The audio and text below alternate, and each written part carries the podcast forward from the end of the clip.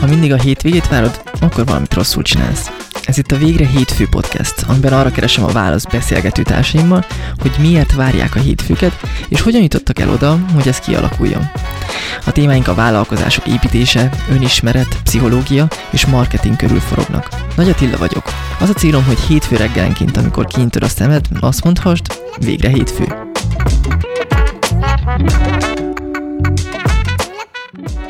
Mai beszélgető társam a hazai SEO szakma egyik legismertebb szereplője, Pap Gábor, sokaknak csak G. Gábor a thepitch.hu blog társalapítója, ahol ingyenes cikkek mellett több mint 25 online kurzusa van SEO és egyéb marketinges témákban. A The Pitch ügynökségként is működik, ahol segít előre jutni közepes és nagy cégeknek a keresőben az organikus találatok között.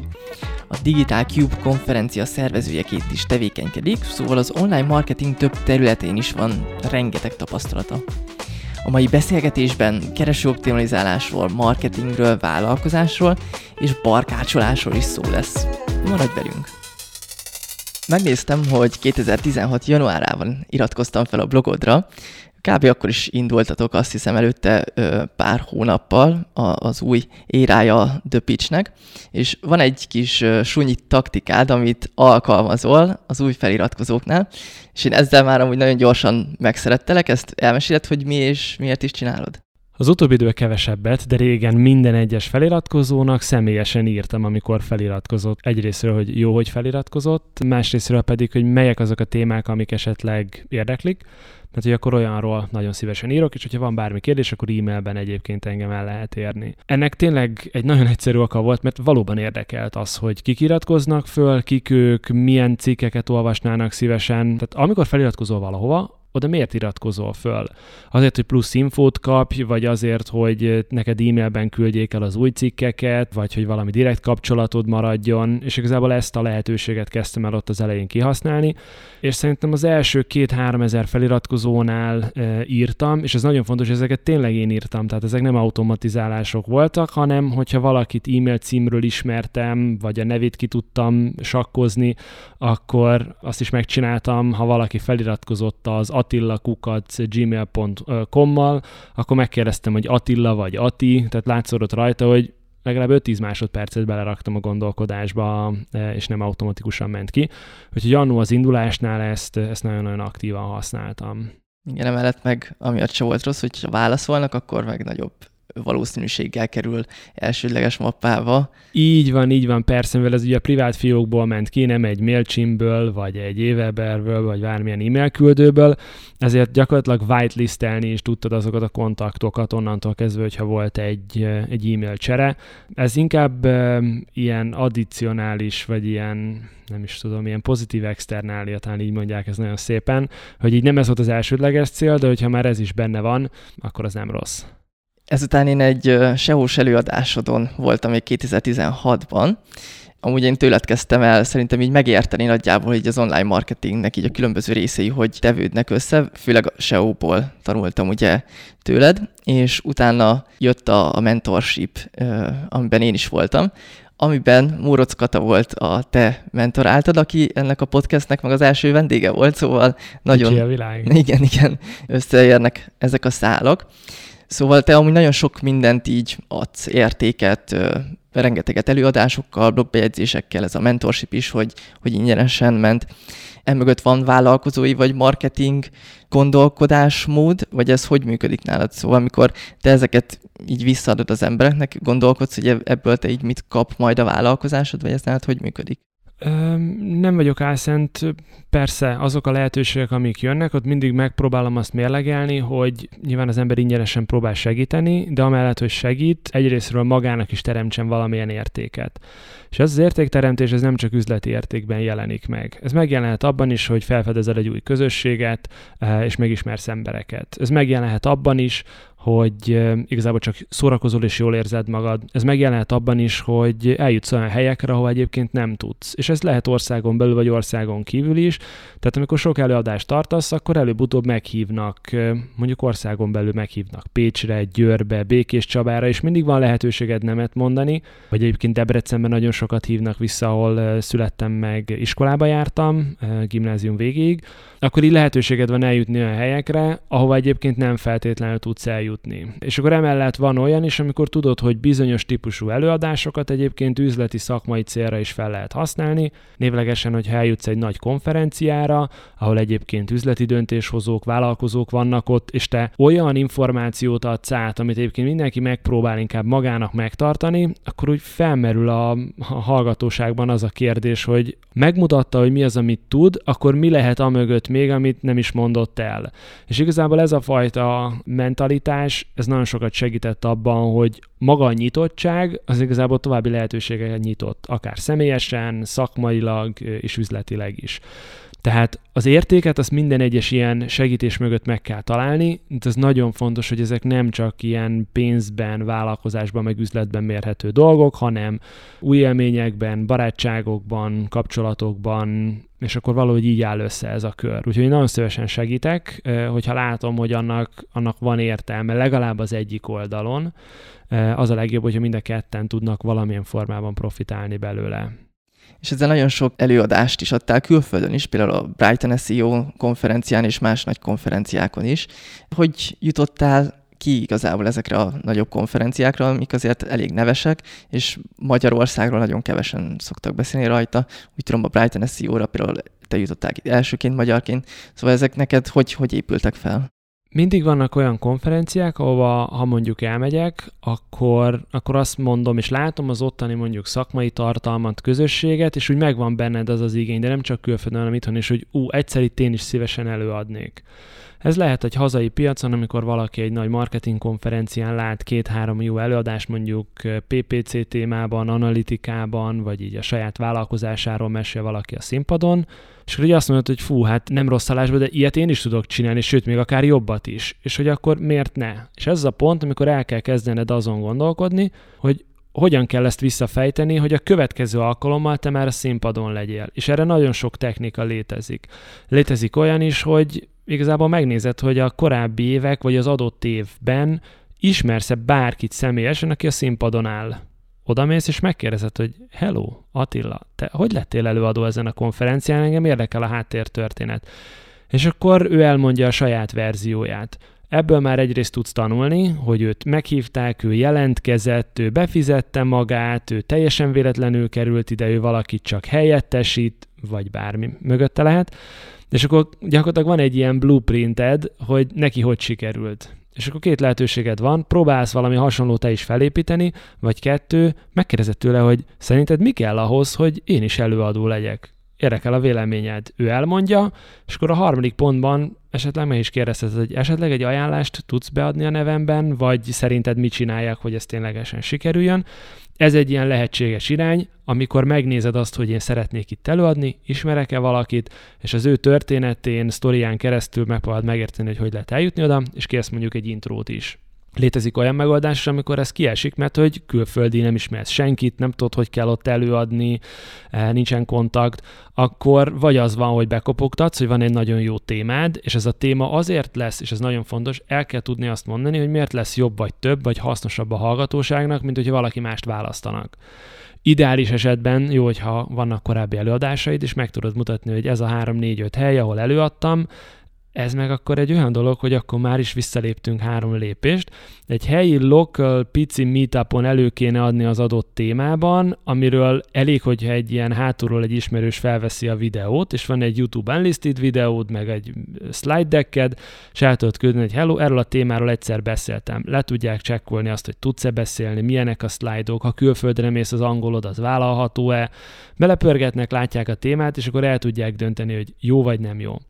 És igazából innen indul a történet, mert akkor az van, hogy van egy vágyad, szeretnél oda eljutni, és megpróbálod visszafejteni ezt a három-négy lépést. Volt olyan konferencia, ahol úgy jutottam el előadóként, hogy írtam egy nagyon jó blogposztot a témában,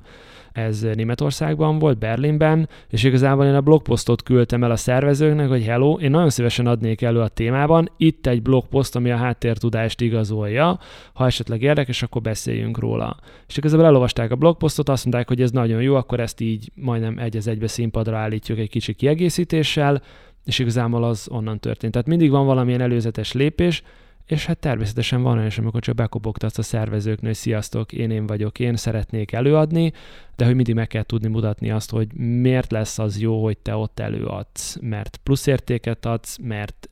nyilván ez nagyon fura így, így kimondani, főleg amikor kezd valaki, de hogy rajtad keresztül jegyet lehet eladni, mert te vagy húzónév vagy, vagy tudsz egy olyan közeget hozni egy konferenciához, mert te mondjuk podcast témában nagyon-nagyon jól mész, és akkor te egy olyan marketinges konferenciára mész el, ahol tudják, hogy akkor ilyen podcastes arcokat lehet, hogy be lehet húzni, és ők jegyet fognak venni akár a teljes konferenciára, vagy csak egy szekcióra. Tehát mindig valami értéket kell tudnod vinni, és akkor a szervező is azt mondja, hogy akkor ez nekem kell. És az utolsó lehetőség, vagy hát nem az utolsó, az egyik utolsó, amikor azt mondod, hogy te szponzorként megvásárolod a színpadon a, a, a helyedet, a jegyedet, ilyet még nem csináltam, nem is tervezek, de hogy van ilyen is. Van ilyen is, persze. Ez a gondolkodás, ez amúgy nagyon hasonló a SEO szövegíráshoz igazából, szóval ez a visszamodellezés, az szerintem a legfontosabb dolog, én is ugyanezt tanítom weboldalkészítésnél is, meg, meg egy csomó más részen is, hogy egyszerűen valahogy vissza kell bontani a, a működő dolgokat, és SEO-nál is ugye meg kell nézned, hogy egy adott cikk az vajon miért lehet előrébb, mint a tiéd, vagy egy olyan pozícióban. Igen, ugye nagyon sok olyan dolog van, amit ilyen fekete dobozként könyvelünk el, hogy így bemegy valami input, és akkor maradunk a konferenciánál. Hogy így a végén csak annyit látok, hogy valaki színpadon áll. De hogy így, ha megpróbálod megérteni azt, hogy egy konferencia szervező a kis fekete dobozában hogyan válogatja ki az előadókat, e, mi alapján a témákat, miért ő ad elő, miért nem ő ad elő, akkor már is igazából tudod befolyásolni az inputokat. Mert ha tudom, hogy ő SEO témában max. kettő előadást fog színpadra rakni, és az egyik előadó az lehet, hogy ő lesz, akkor ne vigyek ugyanolyan témát, mert akkor automatikusan kiütöm magam. E, hanem akkor mondjam azt, hogy figyelj, itt van négy témám, de hogy ezek közül, tehát hogy vigyek több opciót, hát ha egyébként az segít benne, vagy mondj mondjam azt, hogy én valami teljesen másról fogok beszélni, de hogy ha érted a doboznak a működését, az segít. A SEO-ban ez ugyanígy működik, hogy ha érted azt, hogy belül mi történik, hogy most ide blogposztot kéne írni, ide, ha webshopról van szó, ide egy termékoldal, vagy kategória oldal kéne, itt meglepő módon videóval lehet jól szerepelni, akkor igazából ne próbáljunk meg újat kitalálni, mert hogy az output, a végeredmény, az igazából ilyen, ilyen jeleket meg nyomokat rejt el, amiket ha megértünk, akkor szépen vissza lehet fejteni. Az igaz, hogy sokszor egyébként nem árt, amikor még nem értünk hozzá, akkor nem árt, hogyha olyannak a segítségét kérjük, aki pár lépéssel előttünk jár akár csak három mondatban, figyelj, van egy ilyen problémám, nem értem, hogy miért van az, hogy maradunk a SEO-nál, én a hetedik vagyok, ez az oldal meg szerintem nem jobb, de ő meg így stabilan az első háromban van. Van bármi tipped? Ezt el lehet küldeni e-mailben egy szakértőnek, lefejbe azt mondja, hogy tanácsadás keretében tud erre válaszolni meg lehet kérdezni valakit, aki hozzáért egy meetupon, azok nyilván most, vagyis hát ugye ilyen Covid körül időszakban azok általában nehezebbek, de ilyen online konferenciákon, rendes fizikai konferenciákon oda lehet valakihez menni, fel lehet tenni ezeket a kérdéseket, Facebook csoportba be lehet dobni, tehát hogy ott van mindig a lehetőség, hogy látok valamit, de nem értem, akkor kérdezzek. És egy idő után, amikor fel kutatjuk, meg így utána járunk ezeknek a dolgoknak, vagy a, az okoknak és a miérteknek, akkor elkezdjük a kis közbőső fekete dobozt megérteni, és amikor ezt megértettük, akkor igazából már direktben tudjuk az inputokat befolyásolni, mert előre tudom, hogy úgy fogok színpadra állni, hogy, mert a doboz így működik. Úgy fogok jobban szerepelni, hogy, mert a dobozban a dolgok így működnek, és akkor azokat az inputokat rakod be a folyamatba, hogy a várt végeredmény vagy output kijöjjön. SEO-nál szerintem az nagyon sok embernek probléma az elején, mikor elindítja a vállalkozását, vagy gondolkodik azon, hogy milyen üzleti modellben működjön, milyen marketing csatornákat használjon, hogy vajon neki a SEO az jó-e, vagy tényleg valami más. Ez nekem is nagyon nehéz tanítani, vagy elmagyarázni olyan szempontból, hogy ugye nagyon sokféle üzleti modell van, meg fizikai bizniszek, webshopok, szóval mindenféle, de te ebben biztos nagyobb tapasztalatod van, hogyha van egy új ember, aki gondolkozik egy vállalkozási ötletének a megvalósításán, akkor az hogyan tudja eldönteni, hogy a, a SEO az neki való-e, mert főleg akinek nincs annyira pénze arra, hogy beindítsa a fizetős csatornákat, nagyon sokszor néznek a SEO-ra, mint megoldás, mert konkrétan ugye időt kell igazából beletenni. Szóval ezt te hogy szoktál ennek neki menni? Az az igazából nem is te, mert te már nagyon sok mindent tudsz, de hogyha egy új embernek kell neki menni, akkor ő neki mit ajánlanál? Mindenképp megnézném első körben azt, hogy kik a piaci szereplők az adott területen, ki az 5, 10, 15, vagy akár csak 2-3 cég, aki ugyanazon a területen dolgozik, és helyek közel ugyanazt csinálja. És megnézném ezeknek a cégeknek az úgynevezett digitális lábnyomát. Gyorsan felmegyek, felmegyek a weboldalra, vég, végig nyomkodom, végignézem, találok-e Facebook ikont, linket, van-e Facebook oldala, van-e YouTube csatornája, aktíve LinkedIn-en, és nem csak, hogy van, vagy Twitteren, hanem, hogy ezeken mit csinál. Mert tök jó, hogy valakinek ott van a, a footerben a négy darab social ikon, és így rákattint, azt Twittert beregisztrálta 2011-ben, egy darab Hello World fenn van rajta, és soha semmi több. Teljesen felesleges, nem onnan fog forgalmat, meg, meg ügyfeleket szerezni felmész YouTube-ra, kettő darab videó van feltöltve, négy darab megtekintéssel, így azt mondod, hogy akkor valószínűleg nem ez a fő forgalom terelő forrás. És itt szépen elkezded megnézni azt, hogy látom, hogy ez a cég ott van és működik, és hogy potenciálisan online honnan terelhet forgalmat. És igazából végig, végig kell menni ezeken az elemeken. Megvan ez a social vonal, meg lehet nézni azt is, hogyha te így fejből próbálsz beütni kulcsszavakat, akkor így, ami hozzá tartozik, akkor így a top 10 környékén megjelenik-e az a domén.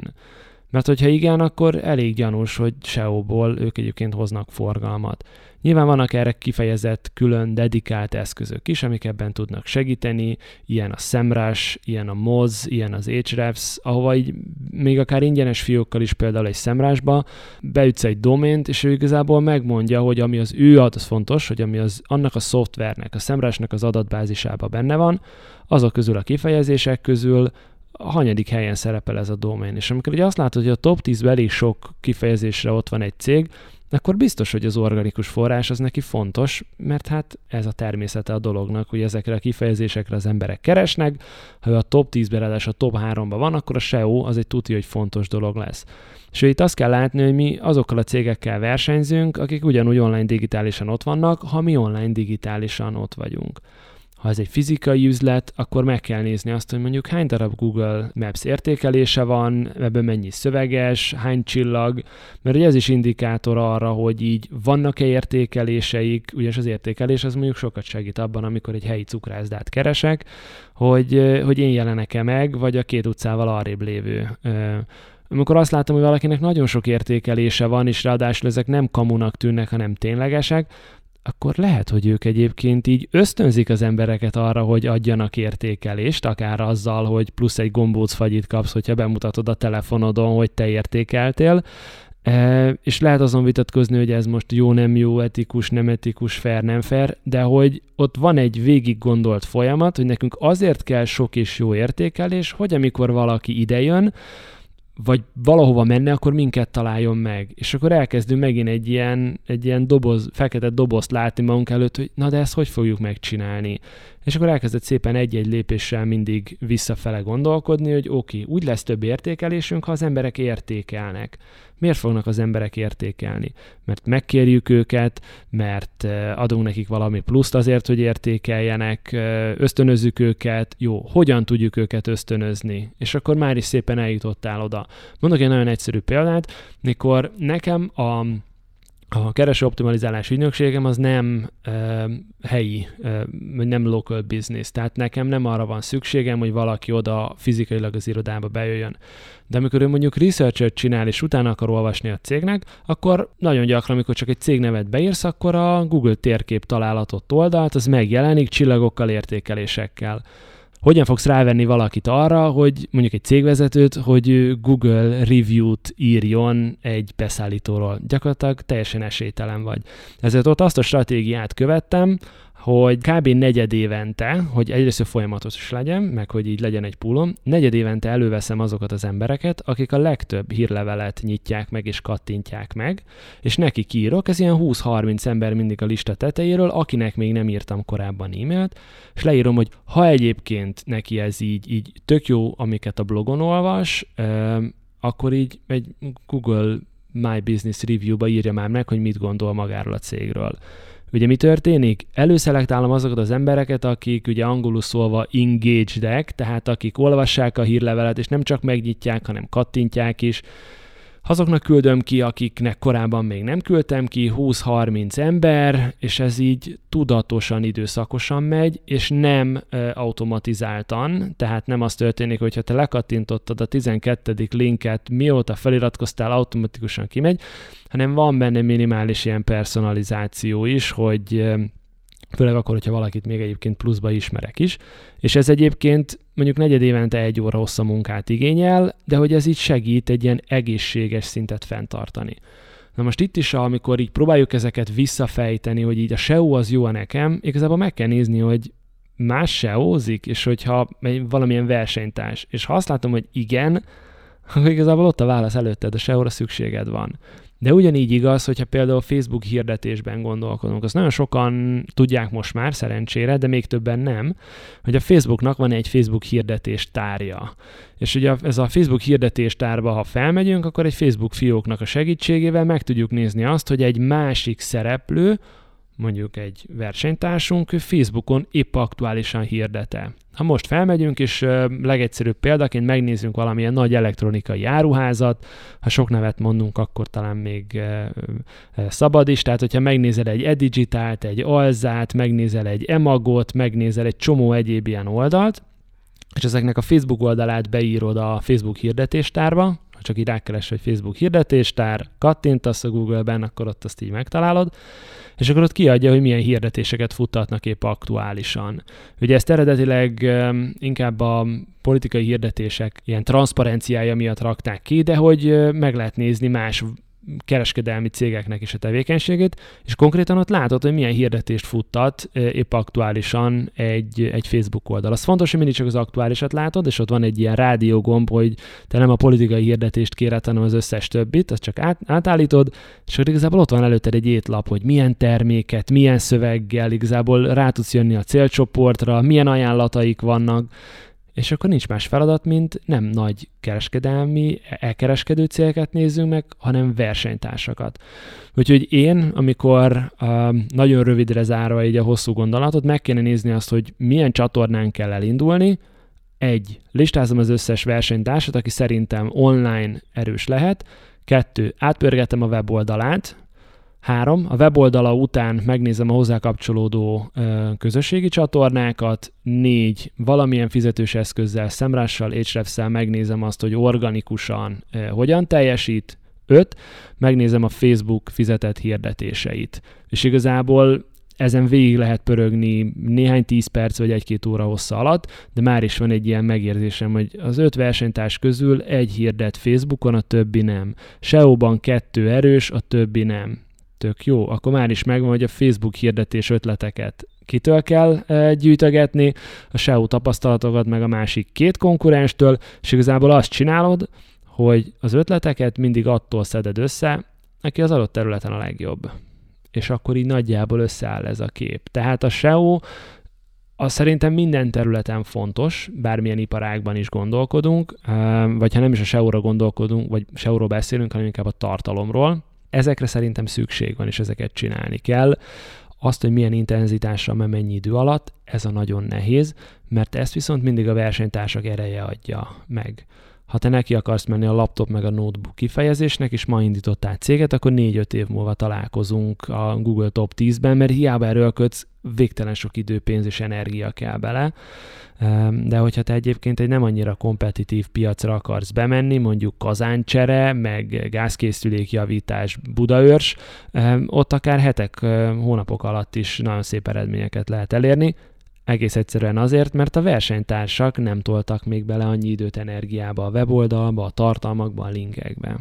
Igen, a visszamodellezés része az addig amúgy viszonylag egyszerű, hogyha logikusan gondolkodik az ember, meg ismeri ezeket az eszközöket. Egyébként a, a Facebook hirdetéses részt én is nagyon sokat használom, és ott még volt, mikor olyat csináltam, hogy ott ugye szoktak cégek olyat, hogy remarketingbe hirdetnek kuponkódot, és onnan szereztem kuponkódot, meg ugye külföldi cégeket nagyon jól át lehet, vagy meg lehet szerezni, és SEO szempontból meg addig tényleg tök jól el lehet jutni, még megnézed a versenytársakat, és igen, az a legnehezebb, mikor azt akarod eldönteni, hogy érdemese neki menni annak a kifejezésnek, vagy egyáltalán beszállni abba, hogy, hogy te SEO-ba beletedd azt az energiát, mert szerintem itt talán az a ne- legnehezebb, hogy hirdetésben meg tudod azt csinálni, hogy elindulsz különböző hirdetésekkel, és akkor már egyből van valamilyen eredmény, de SEO-nál nem tudod azt megcsinálni, hogy egy hónap múlva már kiderül, hogy itt tudsz nyerni, vagy nem. Ket érdemes még megnézni, hogyha el akarod dönteni, mert például én mikor kulcókutatok, én évente neki szoktam menni egy kulcókutatásnak, Ahrefs-es vagyok nagyon, egyébként ott nagyon jól lehet tanulni a, a YouTube csatornájukon erről, vagy egy pitches kurzusban is, és nekem három oszlopba szoktam gyűjteni a kulcsszavakat, az egyik a, a mégse olyan jó, a másik a, a nagyon jó, a harmadik meg a pitch ellen, szóval mi ugye hasonló kulcsszavakra lövünk, és amikor pitch ellen megyek, akkor én igazából arra nem is írok cikket, mert tudom, hogy az nem lesz egyszerű, szóval van, mikor ö, konkrétan kiszűröm azokat, hogyha valami nagyon nehéz ellen megyek, akkor ne kelljen. Miket lehet így megnézni egy embernek, mikor nézi a versenytársakat, hogy ennek érdemes -e neki menni? Az érdemes neki menni, az szerintem kettő oldalra szedhető szét. Az egyik az az, hogy üzletileg ez fókusz kifejezése neked, a, és erre mindjárt kitérek, hogy mi a, mi a lényeg ennek. A másik rész pedig az, hogy mennyire nehéz erre jól szerepelni. Tehát kik a versenytársak, akik ellen megyünk, és ugye azok a versenytársak, akik a Google Top 10-ben, vagy a Google Top 3-ban vannak, mert ugye velük akarsz versenyezni. És simán előfordulhat, hogy vegyünk két kult szót jelen esetben, legyen ez mondjuk a Canon fényképező, meg legyen mondjuk a Canon fényképezőgép szerviz. És te lehetsz olyan cég, aki egyébként csak elkereskedő vagy, tehát te szervizzel nem foglalkozol, és hiába van benne az, hogy Canon fényképezőgép, te igazából szervizzel nem foglalkozol, neked ez teljesen irreleváns. Ezzel szemben lehet egy olyan vállalkozás, aki gépeket, Canon gépeket ad el, és Canon gépeket szervizel is. Akkor neki mind a kettő fontos lesz hirtelen. Tehát az, hogy egy adott kulcsszó üzletileg fontos-e, vagy sem, e, azt nyilván mindig az adott vállalkozásnak a profilja dönti el. Ez az egyik elsődleges, amit meg kell nézni. Mert simán tudsz olyan kifejezéseket választani, amire kicsi a verseny, lehet rá jól szerepelni, renkelsz rá,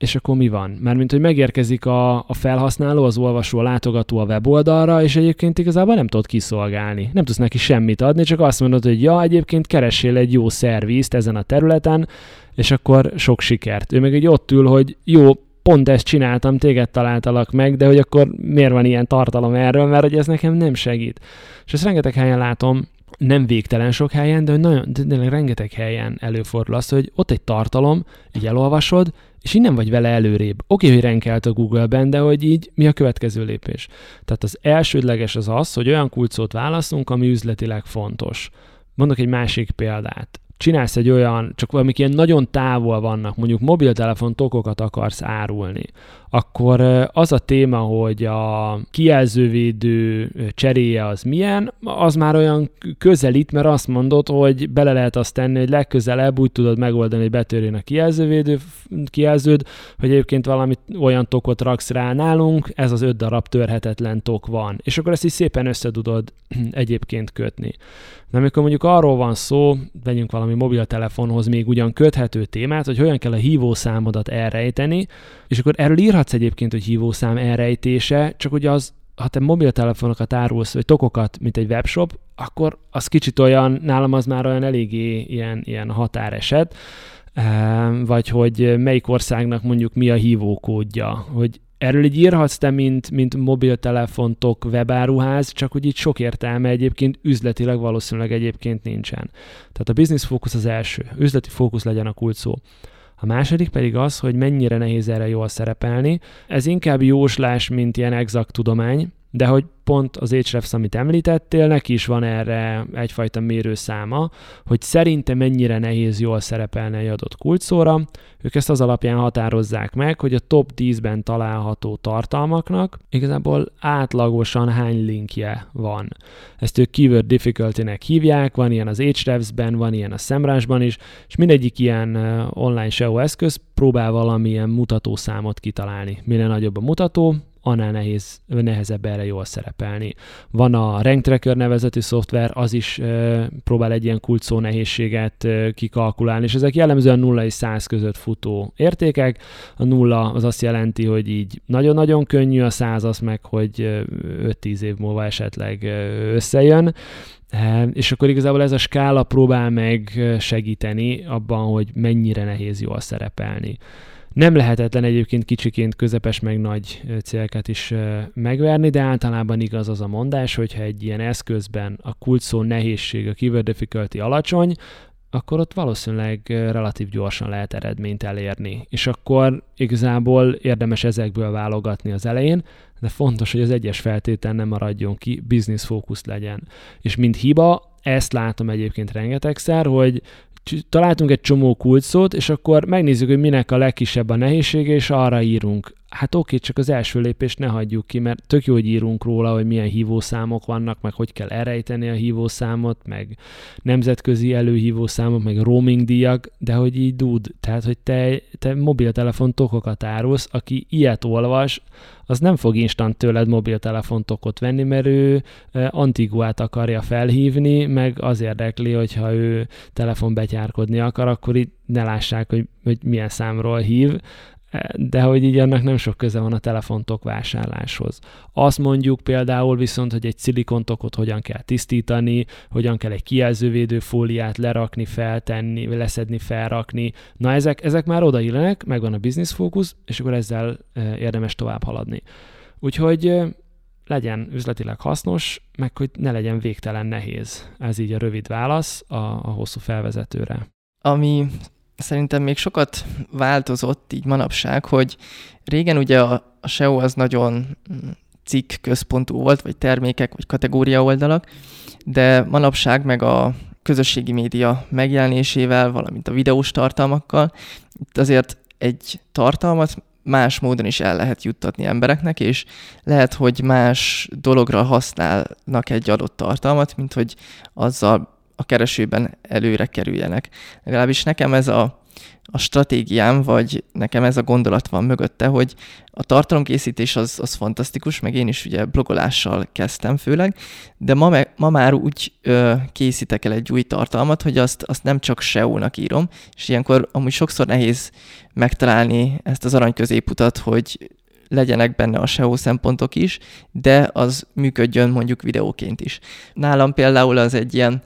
hack, hogy én teleprompterről, súgógépről beszélek sokat, és konkrétan a, a cikkeket azt én meg tudom csinálni videós formátumban nagyon egyszerűen, mármint most már nagyon egyszerűen, azért ez több év kellett, hogy úgy írjak, hogy ez jó legyen videóra is, meg hogy egy tagolt uh, headingekkel, címsorokkal elválasztott szöveg, az hogy működik gördülékenyen videóként. Viszont ez szerintem egy nagyon jó módszer arra, hogy máshogy használt fel a, a különböző tartalmaidat, és hogyha gondolkozol azon, hogy SEO-ba belevágj, akkor ne csak az legyen, hogy lehet, hogy egy évig csinálod a cikkeket, és mégse sikerül, de legalább tudod máshol használni, tudod YouTube-on használni, tudod Instagramon másmilyen videókat fel tudsz belőle venni, tudsz belőle kis pársoros, párgondolatos kis szöveket kiírni egy Instagram kép mellé. Szóval nektek, mikor ti készítetek tartalmat, ti ilyen nagyon SEO fókuszúak vagytok-e, vagy már ezen gondolkodtok, hogy valaki más ezt hogy használja, vagy igazából ez más egy agency szerintem, mint egy olyan embernél, aki vállalkozik és ezeken gondolkozik, de hogy látod most ezt a változást így ebben a történetben? Kérdést két oldalról tudom megközelíteni. A rövid válasz az az, hogy ügynökségként igazából SEO fókuszú cikket gyártasz, és a SEO ott a lényeg. De mint ügynökség gyártunk egyébként saját tartalmat saját magunknak, és ott azért megvan egy kicsit ez a, ez a diverzebb gondolkodásmód. Mesélek egy háttértörténetet, meg hogy így hon, honnan, hova alakult ez a dolog, és akkor jobban érthető az egész. Egy olyan 10-15 évvel ezelőtt, nem is a pontos évszám a lényeg, nagyjából úgy nézett ki a dolog, hogy nagyon-nagyon kevés tart, relatív kevés tartalom született az interneten, ez a gyakorlatban azt jelenti, hogy kevés kompetitorod, kevés versenytársad volt a saját tartalmaddal, kevesebb csatorna is volt, mert nem volt a, annyira prominens egy, egy YouTube sem még, lehet, hogy nem is létezett Insta, nem volt Facebook, nem voltak influencerek, akik még ugyanígy bejönnek ebbe a történetbe. Maradunk mondjuk csak az írott tartalomnál és ott az idődnek a 80%-a az arra ment el, vagy akár 90%-a, hogy te contentet gyártasz. A tartalomgyártás, content creation 80-90% és a maradék 10-20% az meg a content promotionre ment el, hogy te egyébként azt kiküldted hírlevélbe, hogy te egyébként azt posztoltad, esetleg fizetett hirdetést adtál föl rá valamilyen ilyen csoportba, vagy ilyen communitybe egyébként beposztoltad, ott beszélgettek, upvotolták, downvotolták, ez így, ez így működött. És akkor eljutottunk, szerintem nagyon nehéz ezeket a számokat megbecsülni, de hogy egy 4-5 éve eljutottunk oda, hogy eltolódott ez az arány, ez a content gyártás és promóció, disztribúció már az 50-50 százalék felé. Tehát, hogyha neked 4-5 óra hosszá egy tartalmat legyártani, akkor 4-5 óra hosszát kéne foglalkoznod azzal, hogy promózod és hogy ehhez képest azt látod, hogy így a cégek legyártják, vagy a vállalkozások legyártják a tartalmat, mondjuk szenvednek vele egy fél napot, egy napot, és akkor utána 5-10 perc alatt gyorsan felrakjuk Facebookra, kiküldjük e-mailbe, kész.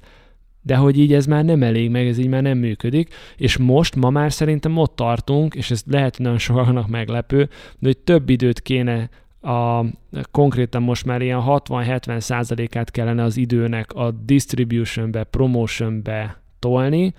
és mondjuk csak a 30-40 százalék megy a tartalomgyártásba és ugye ez több dolgot is előhoz. Az egyik az az, hogy önmagában az, hogy te legyártasz például egy, egy blogposztot, az, az jó, csak hogy az még nagyon nem elég. És amikor te azt mondod, hogy ebből csináljunk videós formátumot, valójában tartalmat gyártasz újra, de az már a content promotionnek, meg a distributionnek a része nálad, vagy amikor hírlevelet csinálsz, vagy amikor ezt feltöröd kisebb darabokra. És ezt hívják egyébként, ez az egyik történetünk, vagy az egyik szálunk, hogy ez a gyártás és promóció, ez most már nagyon durván, ha jól akarod csinálni, eltolódik a promotion distribution irányába, tehát így, így felborult a, a skála teljesen. A másik pedig az, hogy létezik egy olyan technika, és ezt tényleg kevesen csinálják, ez a content repurposing. Amikor van egy tartalmad, és ugyanabból a tartalomból csinálsz egyébként, van egy cikked, abból tudsz csinálni egy podcastet, vagy tudsz csinálni audiofájlt, tudsz belőle csinálni videót, tudsz belőle csinálni egy 10 szlájdos PPT-t, tudsz belőle egy vendégcikket írni, tudsz belőle egy meetup előadást csinálni, tudsz, és akkor is szépen így ott van előtted rengeteg dolog, és ez nem azt jelenti, hogy mindegyiket is csinálni kell, de hogy ott van rá egyébként maga a lehetőség. A cikk kapcsán tudsz egyébként egy Facebook csoportban egy ilyen beszélgetést, egy threadet indítani, ugyanezt egy LinkedIn üzleti csoportban, és igen, ez nagyon-nagyon sok melló. Tehát, hogy azon kívül legyártottam egy blogposztot kedd reggeltől kedd délutánig, az így nagyon jó, csak akkor nekem a következő napot a szerdát csütörtököt, hogy kijöjjön az arány, azzal kéne tölteni, hogy ez a lehető legtöbb helyre eljusson. Lényeg, nem minden tartalmat kell szétpromózni, csak azokat, amire azt mondod, hogy ez viszont nagyon-nagyon jó, ennek van értelme. Tehát ha most írok tíz tartalmat, az nem azt jelenti, hogy mind a tízet ugyanilyen eh, nagyon-nagyon erős, ilyen eh, eh, agresszív módon tolni kell mindenhova, de hogy így legyenek meg azok a azok az unikornisok, amiket meg így, amiket így lögdösni kell előre és hogy igazából ez nagyon hiányzik nagyon sok téren, ami sok szempontból nem is feltétlenül baj, mert hogyha mindenki elkezdi nyomni, akkor még nagyobb lesz a zaj a mostanihoz képest. Nem most se kicsi. De hogyha igen, de hogyha tudod, hogy valami nagyon jó, és valami, valami jól működik, akkor nem csak az írott tartalom és a SEO működik. Cserébe viszont az is igaz, hogyha egy olyan iparágban vagy, ahol az, a SEO az abszolút domináns ö, forrás és csatorna, hogy forgalmat lehet terelni, akkor te egyébként úgy is vígan el lehetsz, hogy te csak az írott SEO-ra koncentrálsz mondjuk. Mert azt látod, hogy ezen a piacon nem működik a, a YouTube videó, vagy egyébként jogilag tilos Facebook hirdetést, meg Google hirdetést feladni. Ilyen téma például, ahol most látom az elmúlt 3-5 évben öldöklő, de főleg az elmúlt 1-2-ben öldöklő harc folyik, ez a mindenféle, ami CBD-hez, cannabishoz kapcsolódó történet, ott ölik egymást a Google pozícióban a cégek. Miért? mert hogy nem lehet Facebookon, meg nem lehet Google-ben hirdetni. És akkor ugye ott vagy, hogy szűkül a csatornák halmaza, ott például, aki SEO-ban a top 1-2-3-ban van, az igazából tarolja a piacot, tehát ott mit kell csinálni? Minden időt és erőforrást arra az egy csatornára áldozni. Ott nem nagyon kell erőlködni a content repurposingen, mert hogy így nem nagyon tudsz, mit, mert hogy tudnád, de nem engedik jogilag. Na, és akkor ezek ilyen, ezek ilyen érdekes, ebből a szempontból érdekes, ö, érdekes ilyen folyamatok, amiket látunk, hogy a gyártás és a megosztás, promóció az abszolút eltódik a promóció irányába, nem kell mindent promózni, viszont ha nem csinálod, akkor nagyon sok lehetőség elől igazából így elvágod magad, hogy te egyébként releváns, sok és jó forgalmat tudsz szerezni. És akkor vannak olyan tartalmak, mondtam ellenpéldát, ugye, ahol csak a SEO működik, lásd a CBD cannabis vagy 95%-ban az működik, semmi más, és van rengeteg olyan dolog, ami mondjuk olyan termékhez kapcsolódik, aminek mondjuk a felhasználása és a működtetése az, ahol az értéket át tudod adni. Mondok teljesen randomnak tűnő példákat, bármi, ami a főzéshez kapcsolódik, vagy a gasztronómiához,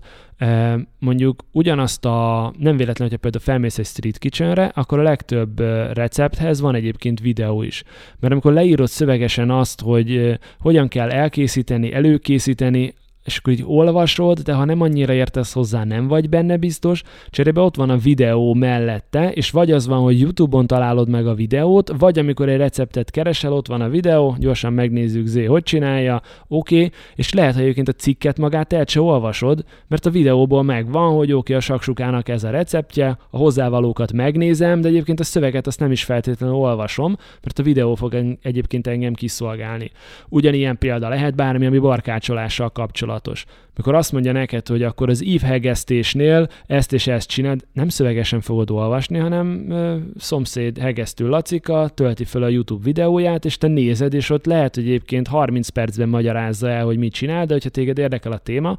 akkor nem feltétlenül egy blogposztot fogsz erről olvasgatni, vagy egy fórumot 47 kommentel, hanem felmész YouTube-ra, megnézed a videót, és akkor az alapján tudsz tovább haladni. Tehát magának a a, a tartalomnak, a témához kapcsolódó tartalomnak van egy ilyen természetes élőhelye, hogy, meg, hogy ezt hol fogyasztják az emberek. Ha ez videó, ez videó. A SEO az olyan téma, amit lehetne egyébként videósítani, de hogy az írott formában az nagyon jól működik, screenshotokkal, minden egyéb. Mondjuk egy hegesztést vagy egy főzést is meg lehet csinálni írottan, de ott a videó az egyébként sokkal jobban működik. Van, ahol az audio az, amire azt mondod, hogy na ez jó, főleg akkor, amikor két ember beszélget, sokkal egyszerűbb egy órás podcast beszélgetést felvenni, mint így megcsinálni egy órás beszélgetést, közbejegyzetelni, utána megírni azt interjú formában, mert hogy az nem, nem feltétlenül az a, az a jó irány. Mert hogy azt kocsiban mondjuk valaki nem tudja hallgatni, mert hogy írva van.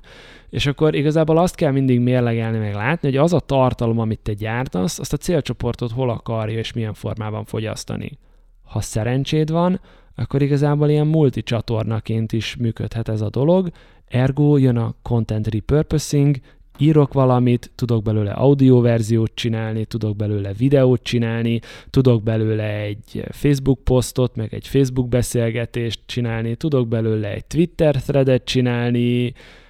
és hogy igazából az étlap meg a lehetőség ott van, meg lehet hirdetni, és nyilván az is működik, amikor csak egy részt emelsz ki belőle. Meetup előadás, konferencia előadás, vendégposzt, és akkor így ott jön rengeteg ötlet, és hogy vannak azok a tartalmak, ahol nem szabad az ötletelésnél megállni, hanem ezeket így végig is kell egyébként csinálni. Úgyhogy ez volt a hosszú válasz megint a, a rövid kérdésre. Mi, mint ügynökség, főleg SEO tartalmat gyártunk, de azért, mert olyanok keresnek meg minket, ahol a SEO a fő forgalomterelési forrás. Ha valaki például jön és azt mondja, hogy ő egyébként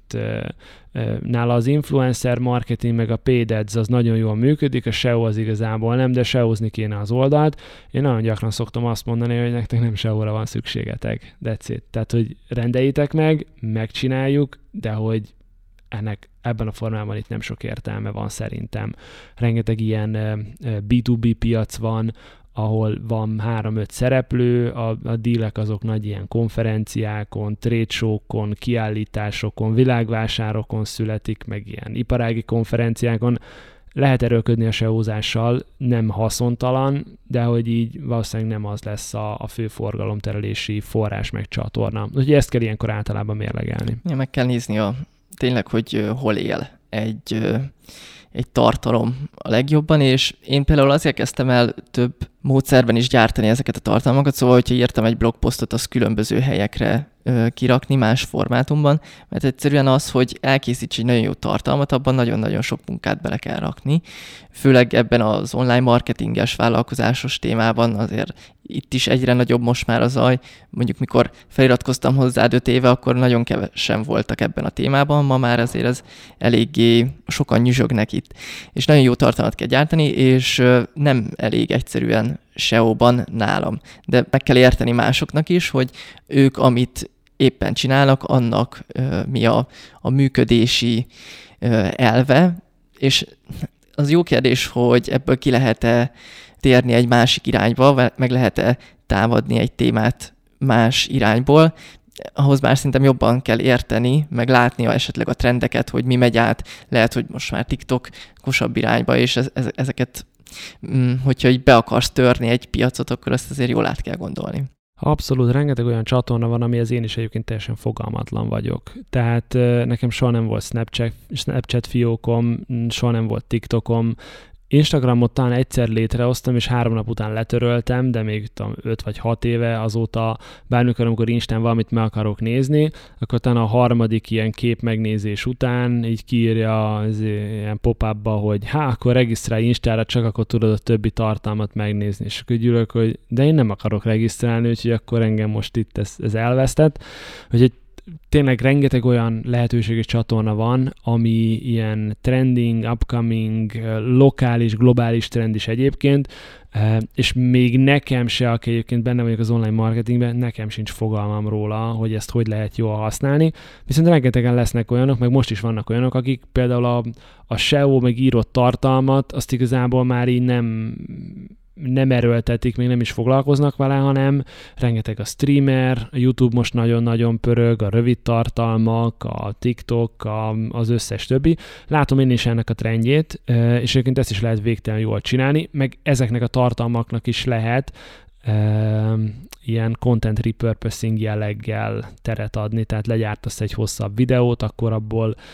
abból hogyan lehet rövidebb videót csinálni, hogyan lehet egy idézetet kiszedni belőle, egy rövid részletet felrakok LinkedInre, hallgass meg a teljes adást itt és itt, úgyhogy azok pont olyanok, mint az online marketing az elmúlt 5-8 évben, hogy két folyamat van. Az egyik az az, hogy egyre komplexebbé és, és összetettebbé válik, és egyre nagyobb a, a sikere azoknak az embereknek, akik egy-két csatornához végtelenül profik és nagyon-nagyon értenek. Tehát ha te akár a SEO-hoz, akár a YouTube-hoz, akár a podcasthez, akár a TikTok videóhoz, akár egyébként a streaminghez nagyon-nagyon értesz, akkor igazából csak azzal az egy csatornával is bőven le tudod fölözni azt a piacot, amire egyébként szükséged van. Viszont ez azt jelenti, hogy ahhoz tényleg nagyon kell értened, nem elég az, hogy így a középmezőnyben ott vagy. Ha nem tudsz az adott csatornában a legjobb lenni, akkor jöhet nagyon sokszor a számításba, hogy akkor próbáljon meg három-négy csatornát kombinációban jól működtetni legyen ott előttünk egy blog, legyen ott előttünk egy Facebook, egy Facebook retargeting, legyen ott egy e-mail marketing drip kampány, és igazából ez a három-négy együtt már így jól tud működni. Nem amilyen a legjobb Facebook, nem amilyen a legjobb e-mail drip, nem amilyen a legjobb blog, de négy együtt az bőven elegendő ahhoz, hogy jobbak legyünk, mint bármelyik más versenytársunk párhuzamosan. Tehát én, amikor például a saját blognak vagy ügynökségnek így a folyamatait akartam összerakni, akkor azt mondtam, hogy hiába van 8-10 lehető lehetőség, mert csatorna előttünk. Én kettőt, vagy inkább hármat fogok jól csinálni kombinációban. Ennyi. That's it, nem is, nem is érdekel, nem is kell több. Nálam a SEO a fő forgalomterelési forrás, amellett van e-mail marketing, amihez fel van húzva több drip kampány, úgyhogy a contenthez a kereső optimalizálás tartozik, az e-mail marketing, és nagyon-nagyon minimális ilyen kampányszerű Facebook ads történet van az, hogy kirakom mondjuk minden harmadik, negyedik posztot Facebook oldalra, meg LinkedInre, az csak ilyen ilyen áltatása annak, hogy csinálom a disztribúciót 5%-ban vagy 1%-ban, mert hogy kell az, hogy eljusson azokhoz az emberekhez is a tartalom, akik nem SEO-ban keresnek, meg nincsenek fönn az e-mail listán, tehát hogy ennek azért így látom az erejét meg a hatását, de hogy így mindig felmerül bennem az a kérdés, hogy hú, le, jó lenne videózni. De igazából ennek a háromnak, a, az oldalon lévő tartalomnak, az e-mail marketingnek, meg a Facebooknak a kombója, az nagyon szépen lefed mindent azon a szinten, amennyire kell, úgyhogy a videót rátenni erre még egybe pluszba jó lenne, de hogy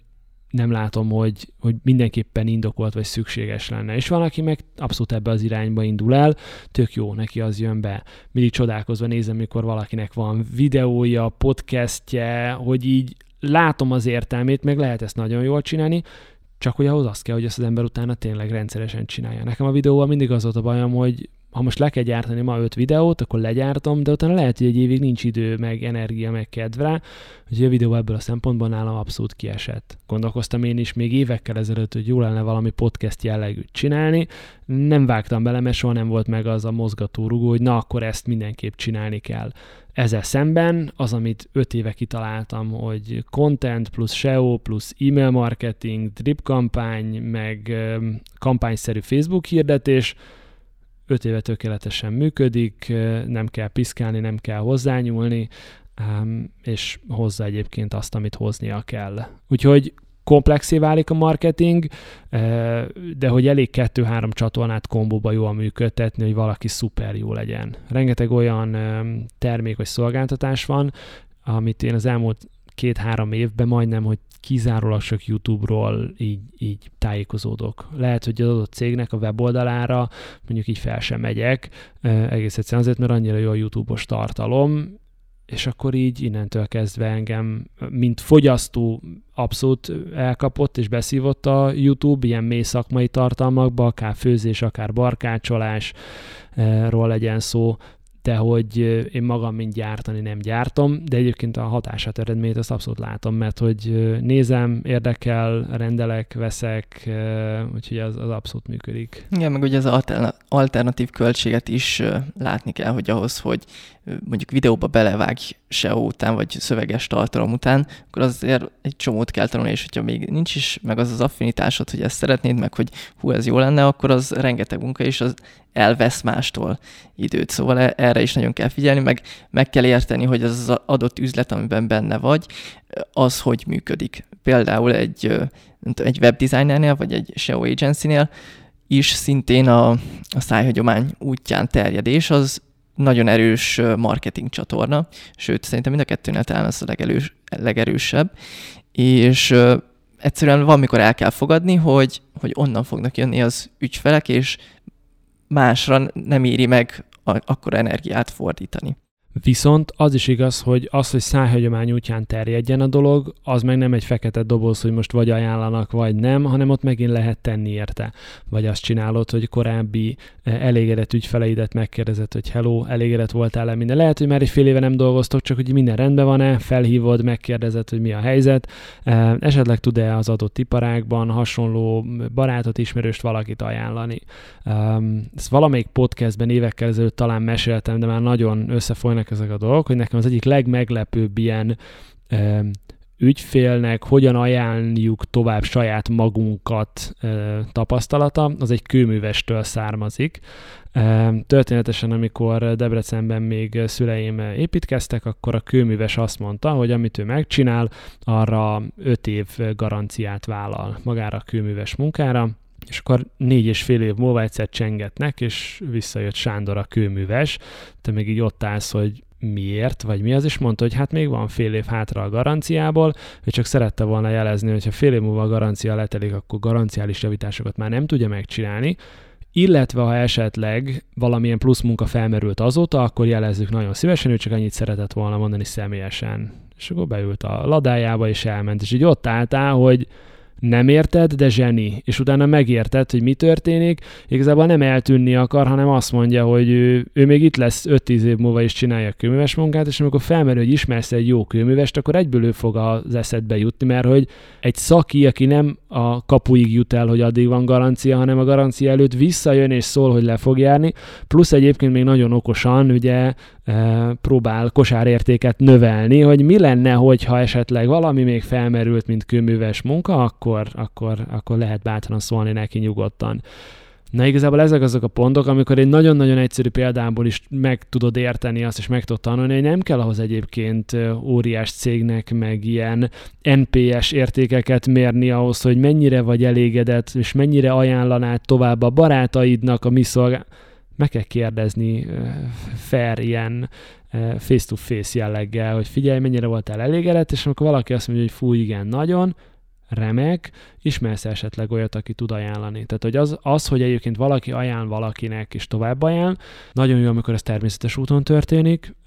de hogy egyébként lehet tenni is azért. Finom, apró lépésekkel nyilván nem agresszíven kell szétbombázni mindenkit, de hogy lehet ezt egyébként úgy csinálni, hogy ez egyébként hatékony és jó legyen. Olyan is létezik, amikor valaki azt mondja, és hogy nincs benne egyébként így titok. Nálunk egyébként nem, tehát ismerek olyan piaci szereplőt, így fogalmaznék, akinél ez aktív és bevett szokás, hogy te most ügyfelem vagy, és hogyha te egyébként hozol, beajánlasz valakit, legyen ez mondjuk online marketinges dolog, akkor egyébként a, az ügyletből bizonyos százaléka tiéd lehet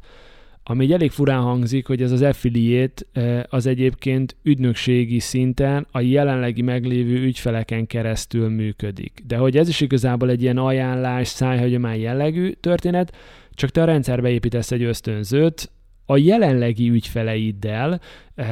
ami egy ilyen érdekes koncepció, és egyébként bizonyos piacokon tök jól működhet. Tehát lehet azért tenni, hogy a szájhagyomány útján terjedés az ne csak egy ilyen fekete doboz legyen, hanem tudod, hogy azért fog ajánlani, mert megkérdezem, mert jó fej, mert ösztönzöm, na és akkor jöhetnek az inputok, vagy azért, mert visszakopogtatsz, hogy jöttél megcsinálni a SEO garanciális javításokat, e, vagy találtál három-öt olyan dolgot, amit azóta elrontottak, és javítsák ki, e, vagy ösztönzöd e, valamivel pluszban, hogy ő egyébként tovább ajánljon. Tehát működik a, a, a, ez a word of mouth, meg, meg referál lehet érte aktívan tenni, és akik jól csinálják, azoknál ez megint csak nem black box, hanem, hanem egy ilyen tudatosan menedzselt folyamat. Talán ez a szép magyar kifejezése az egésznek. Kicsit besegítenek, igen. Neked a, a vállalkozói életed az ilyen szakos, szakaszosan történt. Ugye voltál ilyen online marketinges, és utána a Shaper 3D-nél, 3D, nem tudom, hogy kell mondani, nél dolgoztál, és utána váltottál ismét erre az agency világra. Te most hogy érzed magad ebben, ami, amiben most vagy? Amiben most vagyok, abban nagyon jól érzem magam. Az adott fázisokban, amikor amit csináltam, akkor is mindig jól éreztem magam. Nem a százszázalékos időtartamában, döntő többségében igen. Tehát amikor például cégnél a marketinges feladatokat végeztem, nyilván a váltás az, a vége az mindig valamilyen vagy konfliktus, vagy bármint külső vagy belső konfliktusok, hogy te nem ezt akarod csinálni, kevesebbet akarsz dolgozni, többet, sajátot, valami konfliktus van magadon belül, vagy nyilván az adott helyjel egy idő után kialakul. De ugye amikor odamész, amikor ott vagy, és ezt csinálod, és ezt szereted, akkor igazából mindegyik egy, egy ilyen jó tapasztalat volt. Az, amit most csinálok, az merőben más, mint, mint mondjuk amikor te belsős marketinges vagy, tegyük föl 9 to 5, bennülsz valahol, csinálod, gondolkozol rajta, de hogy így van, amikor így nem elég, többet akarsz, akarsz vele foglalkozni, és hogy nekem igazából a szerencsém az az volt, hogy, hogy ez a belső örlődés, ez nem egy belső örlődésé így, így, így nem tudom, így koncentrálódott, hanem azokat a plusz ötleteket, energiákat már annak idején is a pitchnek, így a blogposztjaiban éltem ki egyébként. Pont most a napokban néztem meg, hogy az elmúlt öt évben 200 blogposztot írtam a, a blogra, vagy közel 200-at, ami ugye azt jelenti, hogy ilyen évi 30-40, és akkor így ülsz, hogy ja, az, az ilyen havi 2-3 cikk, ami azt jelenti, hogy mondjuk minden héten, második héten írsz valamit. És igazából mondjuk pont az elmúlt 3-4 hónap volt egy kicsit ilyen um, kontentírásban gyengébb a, a blogon, mármint hogy publikálásban gyengébb, így fogalmaznám, mert sok ilyen cikk kezdemény van, meg azok így ott vannak, most talán ilyen 30 hat darab volt tegnap, ha jól emlékszem, így vázlatban bent, hogy így igazából a következő egy, másfél, két évre megvannak a témák, nem arról van szó, hogy ötletelni kéne, hogy mit írjak, meg csak nem volt rá idő. És hogy azért éreztem mindig jól magam, mert mindig volt egy olyan menedék, ami egyrésztről szakmailag kihívás volt, másrésztről pedig a saját volt. Tehát azért az a belső vívódás, mint vállalkozás megvolt, hogy azért egyszer nagyon jó lenne valami sajátot csinálni, Viszont az én környezetemben igazából nem nagyon volt olyan se családilag, barátok közül se nagyon, aki így ezt a vállalkozós vonalat vitte volna, tehát részben magamnak kellett elkezdeni ezeket így felépíteni, kitaposni, meg így a mintákat megtalálni, és ez igazából biztonságot adott sok szempontból, hogy valami fix, stabil mellett csináltam párhuzamosan a blogot, akkor megcsináltam az első képzést, akkor még full-time dolgoztam, és akkor szépen lassan, mint ahogy nagyon sokaknál szokott történni, így elkezdett több bevétel lenni a kis side businessből, mint a tényleges full-time munkából. És akkor így ott ülsz, hogy jó, igazából akkor nálam egyébként ott az történt, hogy jött egy freelancer ilyen SEO projekt, egy Bécs-Boston kettős tengelyű technológiai startupnál, és igazából az az egy projekt többet fizetett, mint az akkori full-time munkám, és igazából láttam benne a lehetőséget, meg a kihívást, hogy nem a pénz miatt akarok ugrani, hanem ott láttam az akkori full-time-ba, hogy így pont, nem pont azt akarom csinálni, mint amit az ad, úgyhogy akkor tök jó lenne váltani. És amikor oda kerültem, hogy váltani akarok, akkor volt egy heti 20 órás freelance projektem, meg mellette a, a pitchnek így a, az első ilyen másfél-két éve sok-sok blogposzttal, egy-két elkészült képzéssel, mindig ilyen belső pici megkeresésekkel, és igazából gyakorlatilag nem volt kérdés, hogy az ember váltson-e vagy sem, klasszik no-brainer, ja, holnaptól már, ha nem itt vagyok, akkor igazából magamnak dolgozom, magam ura vagyok, lesznek persze olyan kihívások, adminisztráció, jog, amit így nem annyira akarsz, de talán elfogadod azért cserébe, hogy sokkal nagyobb szabadságod van, többet keresel, lehet, hogy jobban is érzed így minden napokban magad vele, és akkor ott ez a váltás, ez megtörtént. És utána, amikor uh, Shaperhöz mentem, az igazából egy olyan lehetőség volt, amit szerintem nem szabadott akkor kihagyni ellentétes volt azzal, hogy az ember saját vállalkozást, meg saját projektet csináljon, mert az egy nagyon korai fázisban lévő technológiai cégnek volt, igazából a felfutás elejé, közepi időszaka. És ez azt jelentette, hogy az időd, energiádat mentálisan, fizikálisan azt arra kellett áldozni, Úgyhogy ott részben egyébként magába az egész rendszerbe volt kódolva, hogy az egy ideig fog menni egy-két-három évig, de hogy nekem a hosszú távú jövőm az egyébként nem a nem a Shaperben van. Oda egyébként ajánláson keresztül kerültem, és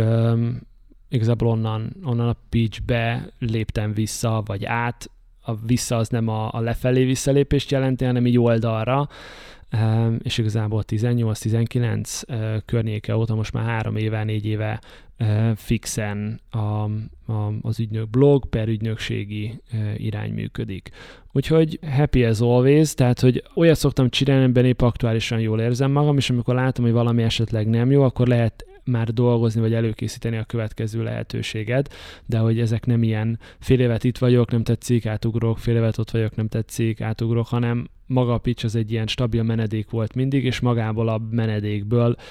gyakorlatilag egy működő cégé vállalkozásán nőtte ki az egész magát. Tartalom készítésben, meg ugye van nagyon sok bejegyzésed, ahogy mondtad, és mellette ugye azért a 20 akárhány kurzusnak az elkészítése az, az is azért nagy munka, szóval azért rengeteg tartalmat kiadtál te is. Nekem is ez van egyébként, hogy én annyira már nem nagyon írok cikkeket, viszont belső képzések az ilyen két trónok harcányi szöveg, mert ugye sugógépezek főleg, és nekem az megvan az egész, azt meg kellett írni szövegben. Szóval azért nagyon sok tartalom készül nálad, és ugye két-három éve akkor, vagy három-négy éve váltottál erre az ügynökségre, hogy teljes fókuszban ez lesz neked, és azt így végig gondoltad, hogy ezt hogy szeretnéd építeni, embereket felvenni, és hogy volt ez az egész, hogy nem egyedül dolgozol, hanem mással együtt csapatot építeni. Ez neked ilyen nehéz lépések voltak, hogy meglegyen az első csapattag, vagy ez neked egyszerűen jött? De egyszerűnek nem mondanám, de tudatos volt. Tehát az előre meg volt tervezve, hogy mi az elképzelés, aztán persze abból nem, abban a formában nem jött össze semmi, és akkor mindig jött, akkor jön a B terv, jön a B veszőterv, mert nem C terv, azért odáig nem megyünk el, és akkor úgy szépen lassan, hát szív vicces kimondani, de organikusan fejlődött a dolog. Tehát mindig, amikor látható volt, hogy szükség van valamilyen forrásra, mármint plusz emberre, valamilyen területen, legyen ez technikai, legyen ez szövegírás, legyen ez projektmenedzsment, akkor igazából mindig megvolt az, hogy hogy miből lehet gondolkodni, miből lehet főzni. Házon belül oldjuk meg, felveszünk kívülről valakit, felveszünk kívülről valakit, aki nem ért hozzá, de fél, éve, fél év alatt megtanítjuk, felfejlesztjük, kitanítjuk, képezzük, és akkor, akkor az úgy jó lesz.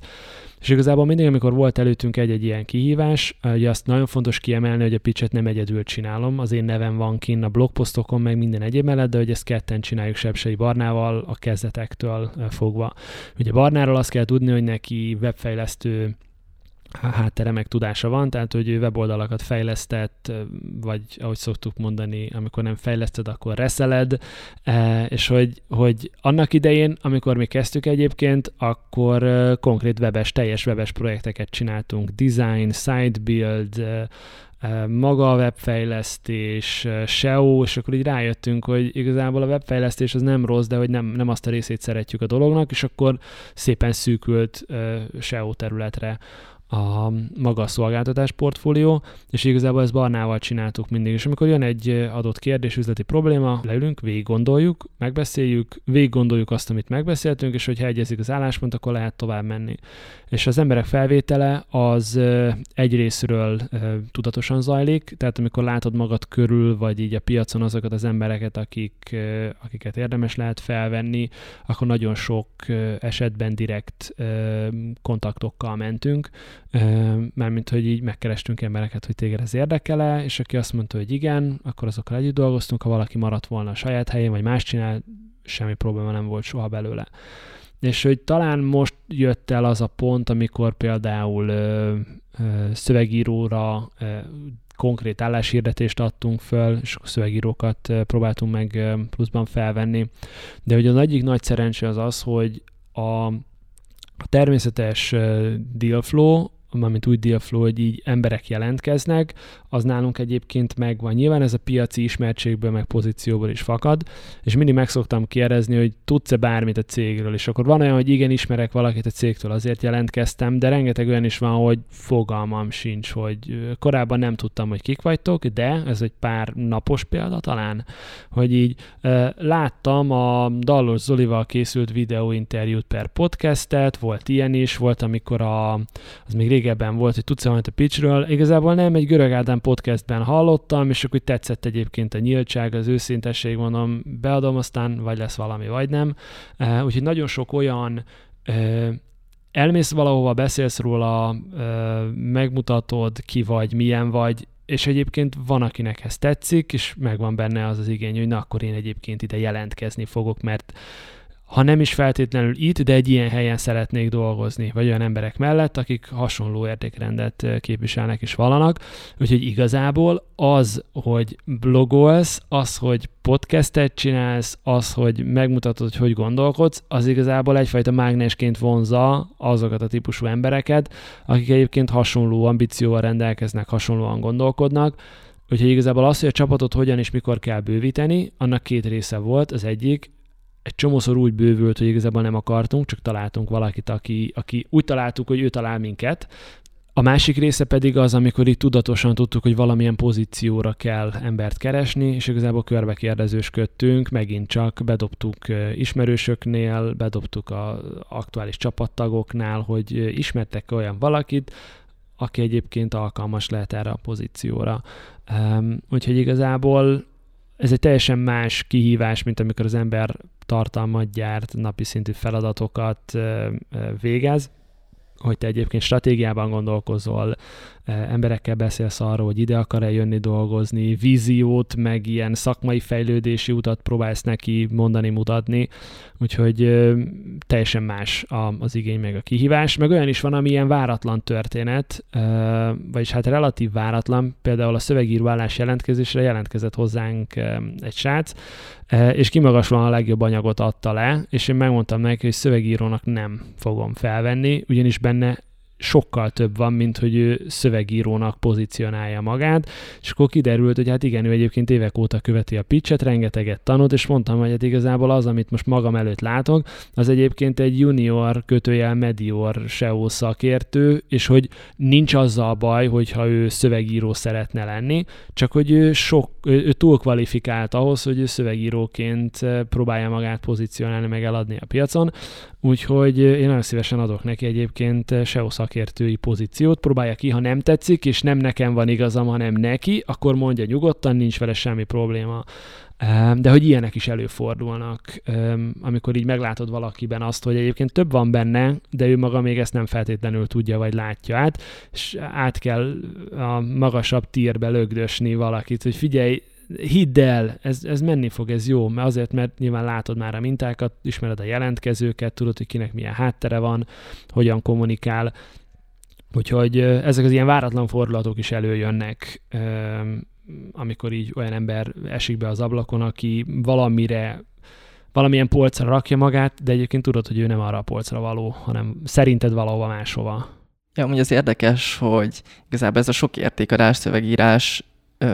ezek employer brandingként is működött igazából nálad, hogy akarnak nálad dolgozni. Szóval véletlenül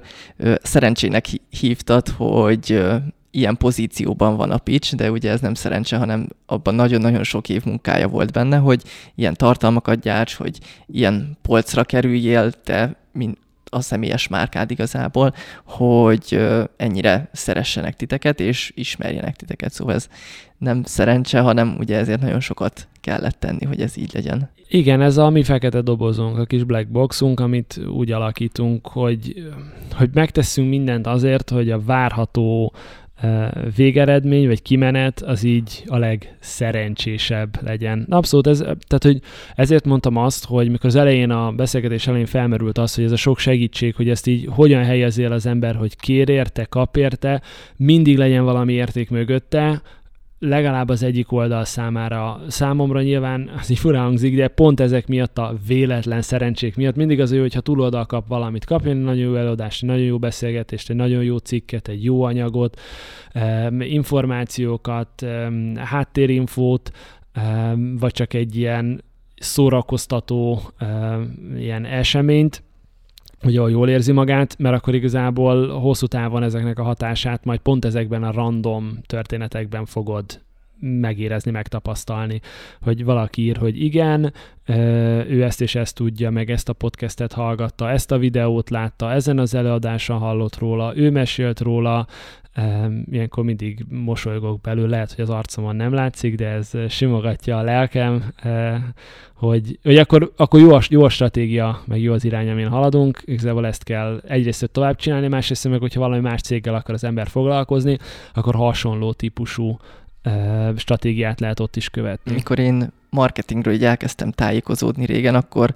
ez volt nekem is egy ilyen nagy löket, hogy a marketing az nem ilyen gonosz emberek játszótere, hanem ez az értékadás, meg a, ez tényleg működik. Szóval olyan szempontból, hogy egy etikai szempontból, meg erkölcsi szempontból is ez teljesen jól el lehet fogadni, mert hogyha adsz, akkor az tényleg vissza fog jönni később, és ezért szeretem amúgy nagyon a, a tartalommarketinget, mert olyan a működése, hogy ha olyan tartalmat adsz, ami másnak tetszik, és ezt bele tudod ültetni az üzleti politikába, vagy az üzleti modellbe, hogyha már ezen a szinten is, stratégiai szinten is gondolkodsz, akkor ez valamikor vissza fog jönni.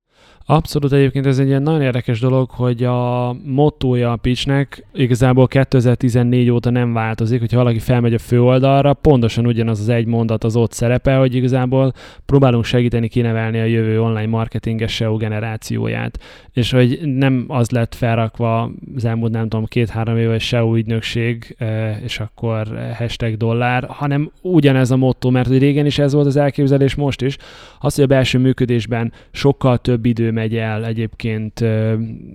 ugye ügyfélmunkára, az nem azt jelenti, hogy az alap elképzelés meg az alapmotto változott volna. És igazából szerintem ez egy ilyen lényeges dolog, hogy a, a pitch ugyanazt próbálja kiszolgálni, meg megcsinálni, amit egyébként eddig is csinált, hogy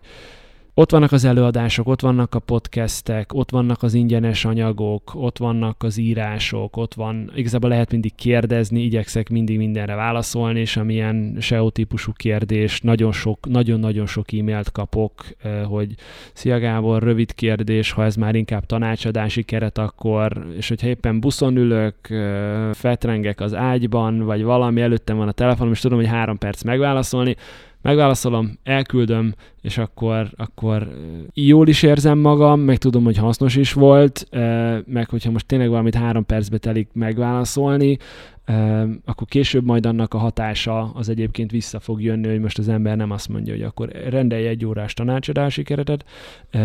és akkor majd ott megbeszéljük, mert hogy így annak az adminisztrációja több idő lesz, mint egyébként megválaszolni a problémát. Később majd ezek visszajönnek egy ajánláson keresztül, egy nagy megrendelésen, egy bármi egyeben keresztül, úgyhogy például ezekkel ebben a formában sincs egyébként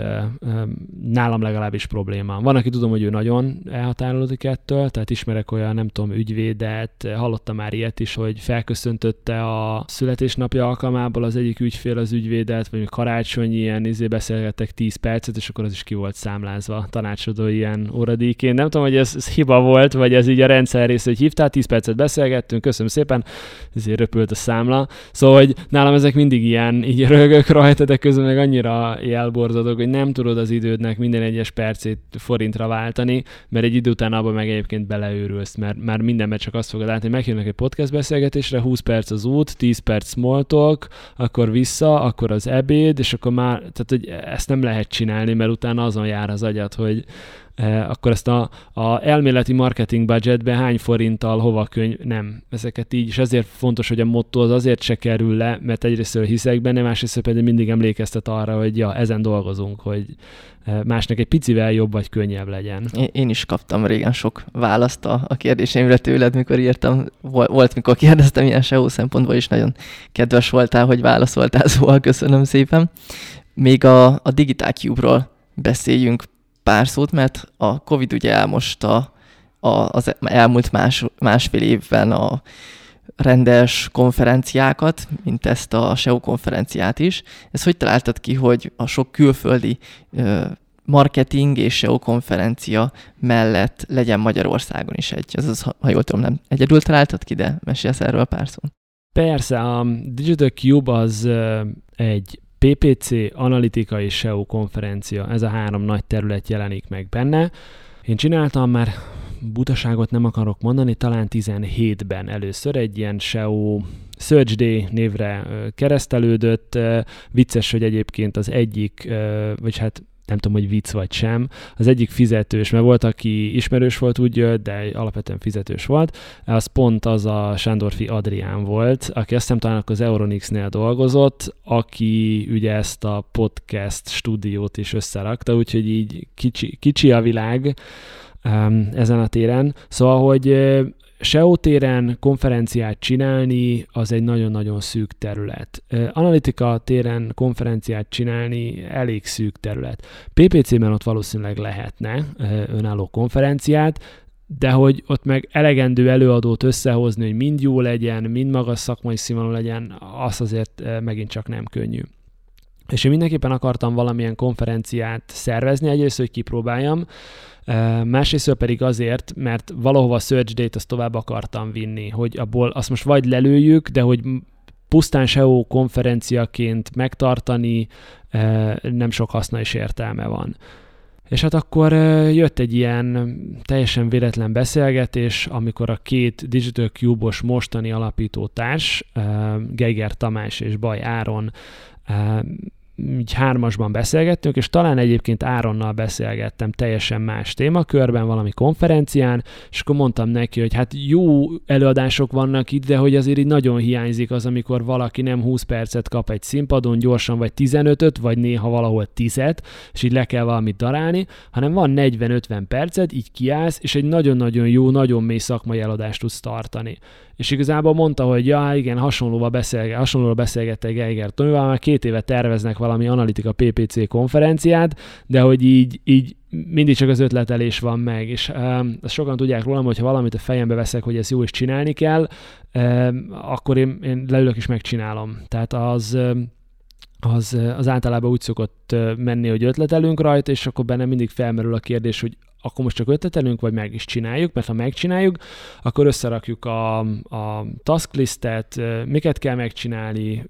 megépítjük a folyamatot, hogy hogyan jutunk el a végéig, hogy ott áll kilenc ember a színpadon egy adott időpontban, ahhoz kell helyszín, ahhoz kell időpont, ahhoz kell catering, ahhoz kellenek előadók, ahhoz kell weboldala, és akkor szépen vissza lehet ezeket fejteni, és nagyon jó, első lépés, helyszín, időpont, gyorsan körbenézünk, mik vannak. Utána, kiket lehet meghívni, összedobjuk a weboldalt, az általában házon belül nálunk ilyen napi, napi sprintben megy, hogy jó, leülünk, és ameddig délután estig kész vagyunk, az a weboldal oldal abban a formában. Tehát ha most felmész a digitalcube.com-ra, eh, akkor igazából az első konferencia az 19-ben volt, 19 májusban, az még ilyen pre-covid, most már lehet így beszélni róla. Eh, az egy egynapos eh, sprint volt Barnával, összedobáltunk egy templét alapján valamit, talán a templét kiválasztásával több időt töltöttem, mint a tartalom feltöltéssel, és így nem a legszexibb, nem a legmenőbb technológia, a célját pont eléri, fenn van, hogy mi, hol, mikor, egyebek. Na és akkor ugye jött az igény, hogy csinálni kéne valamilyen konferenciát, és akkor mondták Tomiék, hogy hát akkor így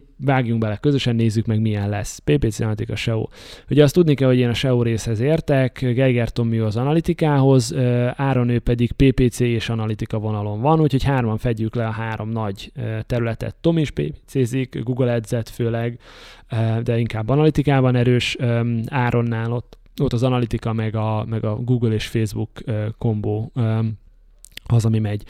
És hát akkor jött, hogy akkor meg kéne szervezni, 19-ben megcsináltuk az elsőt, és volt néhány alapvetésünk, amit szerettünk volna teljesen másként csinálni, mint a legtöbb konferenciánál. Az egyik az az, hogy nem mi mondjuk meg, hogy ki fog előadni, abban a formában, hogy nem mi hívjuk meg az embereket, hanem open, lehet jelentkezni, leadod a témát, és akkor a téma alapján kiválasztjuk azt, hogy ki miről fog, vagy ki miről tud majd előadni. Ez egyrészt jó, mert hogy így demokratikus a történet, Kettő, kicsit nehéz, mert hogy nem tudod kontrollálni, hogy kik mik fognak jelentkezni, azt meg azért nem illik, hogy olyat hívsz meg előadni, aki igazából nem jelentkezett, vagy nem azzal a témával, tehát hogy azt, azt azért az úgy nem szabad. Úgyhogy mindig az épp aktuális jelentkezőkből próbáljuk meg kikeverni azt a 8-9 előadást, amit szépen fel lehet fűzni egy egynapos ilyen konferenciára. 40 perces egy előadás, minden egyes előadónak fizetünk az előadásért, ez abból a szempontból különbség, hogy ez a legtöbb konferencián nem így van, mi viszont hiszünk abban, hogy a szakmai tartalomért, networkért, egyebekért, meg nyilván a kajáért mennek az emberek, de hogy e, igazából te, mint előadó, adod el a jegyet, mert miattad mennek, téged akarnak meghallgatni, te vagy a termék. És egy csomó konferencián az van, hogy te igazából azt a lehetőséget kapod ezért egy szervezőtől, ami egy bevett társadalmi szokás, nincs vele baj, hogy te megjelenési felületet kapsz. Viszont két problémám volt nagyon sokszor ezzel, meg Áronnak, Tominak is, hogy nagyon kevés időt kapsz. Kettő, mivel nincs idézőjelben anyagi ellenérték, rengeteg előadás elmegy ilyen sales területre, vagy a szponzort fel kell rakni a színpadra, hogy megtörténjen, és hogy így mi nem ezt akartuk, hanem valami merőben mást, úgyhogy fizetünk az előadásért, 8-9 előadás, azok 40 percesek, az előadásokat időben le kell adni, nem aznap reggel PDF-be vagy viszed a saját géped, végignézzük a témát, mert szakmailag értünk hozzá, csinálunk próbaelőadásokat, feedbacket adunk, hogy amikor a színpadra megy, akkor szakmai tartalom szempontjából az előadás az itt tényleg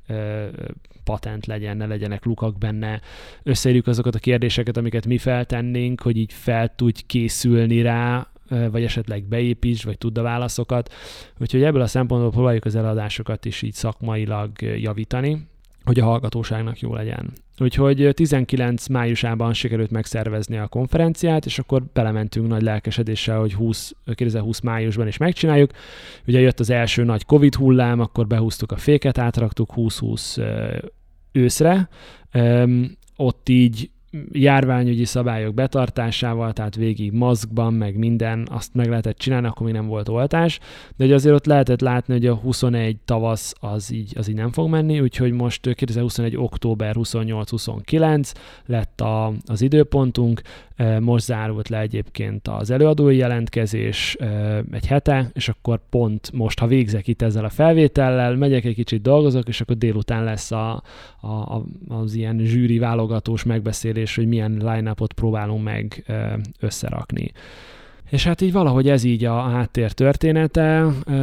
Helyi, lokál történetben gondolkodunk, ilyen 80-100 fős konferencia, magyar nyelvű előadások, magyar nyelvű közönségnek. A célközönségünk, meg akik eljönnek, az ilyen egyharmad nagyvállalat, egyharmad freelancer, egyharmad ilyen KKV, vagy általában inkább azt mondanám, hogy kétharmad e, vállalkozás, de hogy ott van, aki a saját vállalkozásával van, hogy a marketinges jön el, webáruházak, jönnek el, úgyhogy ez nem feltétlen az ilyen nagyon nagy vállalati üzleti döntéshozós történet, hanem ez egy lépéssel lentebb, viszont ők azok, akik aktívan praktizálva gyakorolják is a szakmát, tehát nem a, nem a CEO jön el, hanem a marketing vezető, meg a marketinges, nyilván jöhet a CEO is, hogyha ő a, az adott részért felel, vagy azt csinálja a cégen belül.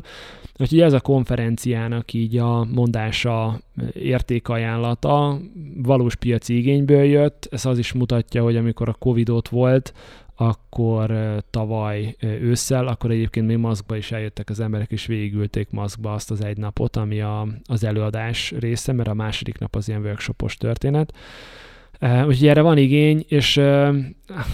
nekem elég határozott állásponton van a hibrid és, a, és az online konferenciákkal kapcsolatban. Mint előadó, több ilyenen is részt vettem, számomra katasztrófa is értelmezhetetlen, mert hogy előadóként, meg részvevőként is pont azokat a dolgokat veszi ki az életedből, nagyon sokszor, amit imádsz egyébként egy fizikai eseményben. Hogy annak egy ilyen rituáléja van, főleg ha külföldre mész, hogy felkészülsz, elutazol, új emberekkel ismerkedsz meg, beszélgetsz, hallasz hangokat, teljesen random találkozol össze olyan akivel két-három éve nem találkoztál. Egy online történetben ezek nincsenek meg, ott így ülsz, mondod a kamerának, néha jön kérdés, néha nem jön, nem tudod, hogy így mi megy át abból, amit mondasz, úgyhogy ez borzasztó nehéz résztvevőként, ha te nem akarsz egy fizikai eseményre elmenni, akkor ez egy álom, hogy te így ülsz, és a saját kanapétból így tudsz öm, öm, előadásokat hallgatni. De hogy így mint, mint aktív résztvevő, vagy mint előadó, az összes ilyen fizikai eseményt, ezt mindig az online vagy a hibrid elé tettem. Úgyhogy nálunk az volt a mondás, hogy vagy fizikai esemény van, vagy nincs. Mert hogy nálunk maga a konferencia, ezt azért hozzá kell tenni, az, az nem az alaptevékenység, tehát nem a megélhetés múlik rajta, hogy meg kell csinálni, mert hogy ez a, ez a cégnek, vagy a cégcsoportnak a fő tevékenysége, nálunk ez egy ilyen, ez egy kiegészítés, ez egy oktatási tevékenység, csak hogy ne ne csak úgy nagyon sokat bukjunk rajta típusú oktatási tevékenység legyen, ezért van egy kerete, hogy viszünk jó előadásokat, ami a termék, és akkor az emberek fizetnek azért, hogy oda eljöjjenek. Nincsenek kiállítók, ilyen standokkal, nem szponzorból próbáljuk meg ezt fenntartani, hanem, hanem egy ilyen más, más irányt képviselünk. 80-100-120 embert ezt a hazai piacon érdekel, legalábbis az első két alkalommal így volt, úgyhogy reméljük idén is így lesz, és sokan jönnek, eljönnek, meghallgatják. Ja, de úgy résztvevőként is, főleg azok, akik számítógép előtt dolgoznak, bármennyire is introvertáltak, meg szeretnek gép előtt lenni, ne, nekem legalábbis sokkal jobb élő konferenciára, fizikai konferenciára menni, mert kicsit kimozdít ebből a, a folyamatos számítógép előtt ülés ből, és igazából ne, neked is ugye olvastam a blogon sokat, hogy a fizikai barkácsolás, meg ezek az építgetések, ezek nagyon jól jöttek ahhoz, hogy hát, hogy ki tudj mozdulni ebből a, ebből a számítógépes körből. Ez én is amúgy egyre többet akarok így tenni a kezemmel valamit, mert azért egy pár év után, miután valaki otthonról dolgozik, meg tényleg csak egy képernyőt néz, ez nagyon sokat tud jelenteni, és ez ez kell a, a mentális egészséghez is, hogy tényleg legyen. Pont ezt a kifejezést akartam használni, mentális egészség, mert tegnap beszélgettem egy ö, ö, csapattaggal, ö, és ő mondta, hogy így beszélgettünk így barátokról, Covidot, ki hogy ö, vészelt át, és mondta, hogy hát neki is van olyan barátja, aki így a Covid alatt így otthon volt, és így dolgozott, el volt, de hogy így azért látszódik rajta már ilyen komoly pánikbetegség, meg ilyen bezártság miatti probléma is, hogy nem mozdult ki, otthon volt, és és igazából ez nagyon sok embernél látszik, hogy bizonyos részeit elképesztően szeretik a home office-nak, hogy nem kell közlekedni, hogy nem a dugóban ülsz, hogy, hogy lámlám a cég működik anélkül is, hogy bejársz, de hogy cserébe egyébként meg azért nagyon komoly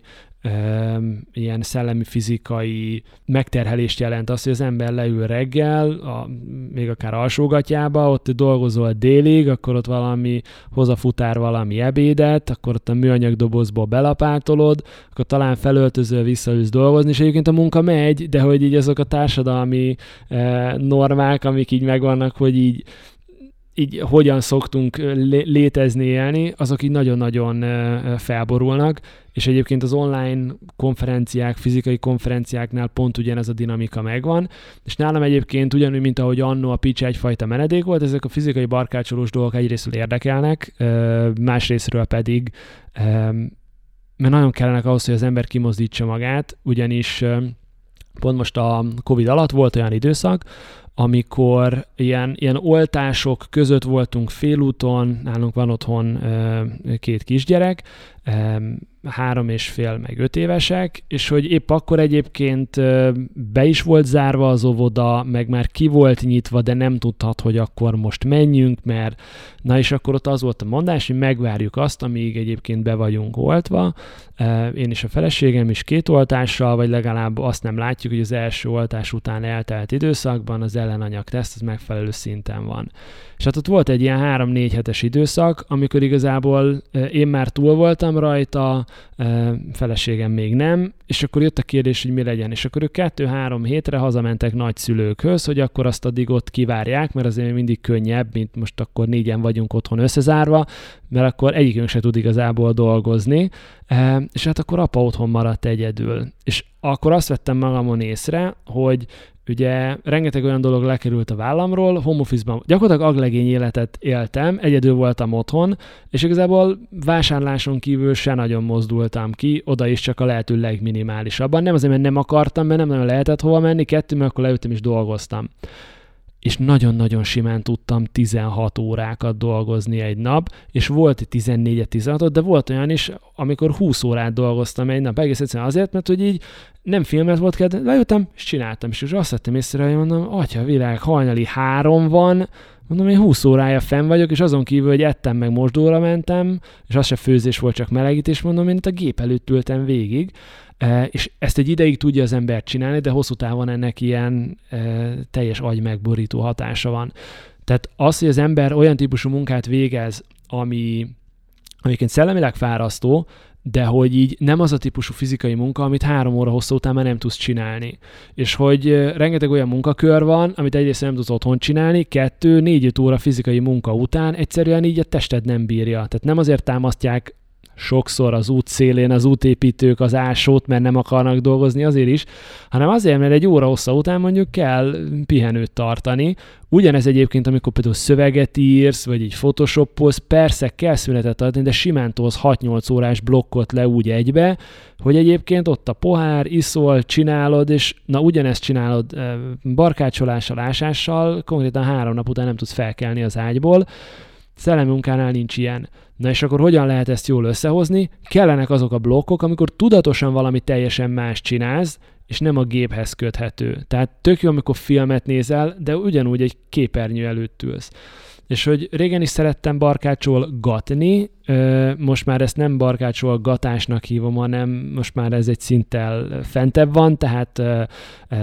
én például vettem néhány hete betonkeverőt, mert betonoztunk, úgy, mert végtelen sok szerszámot az utóbbi időszakban,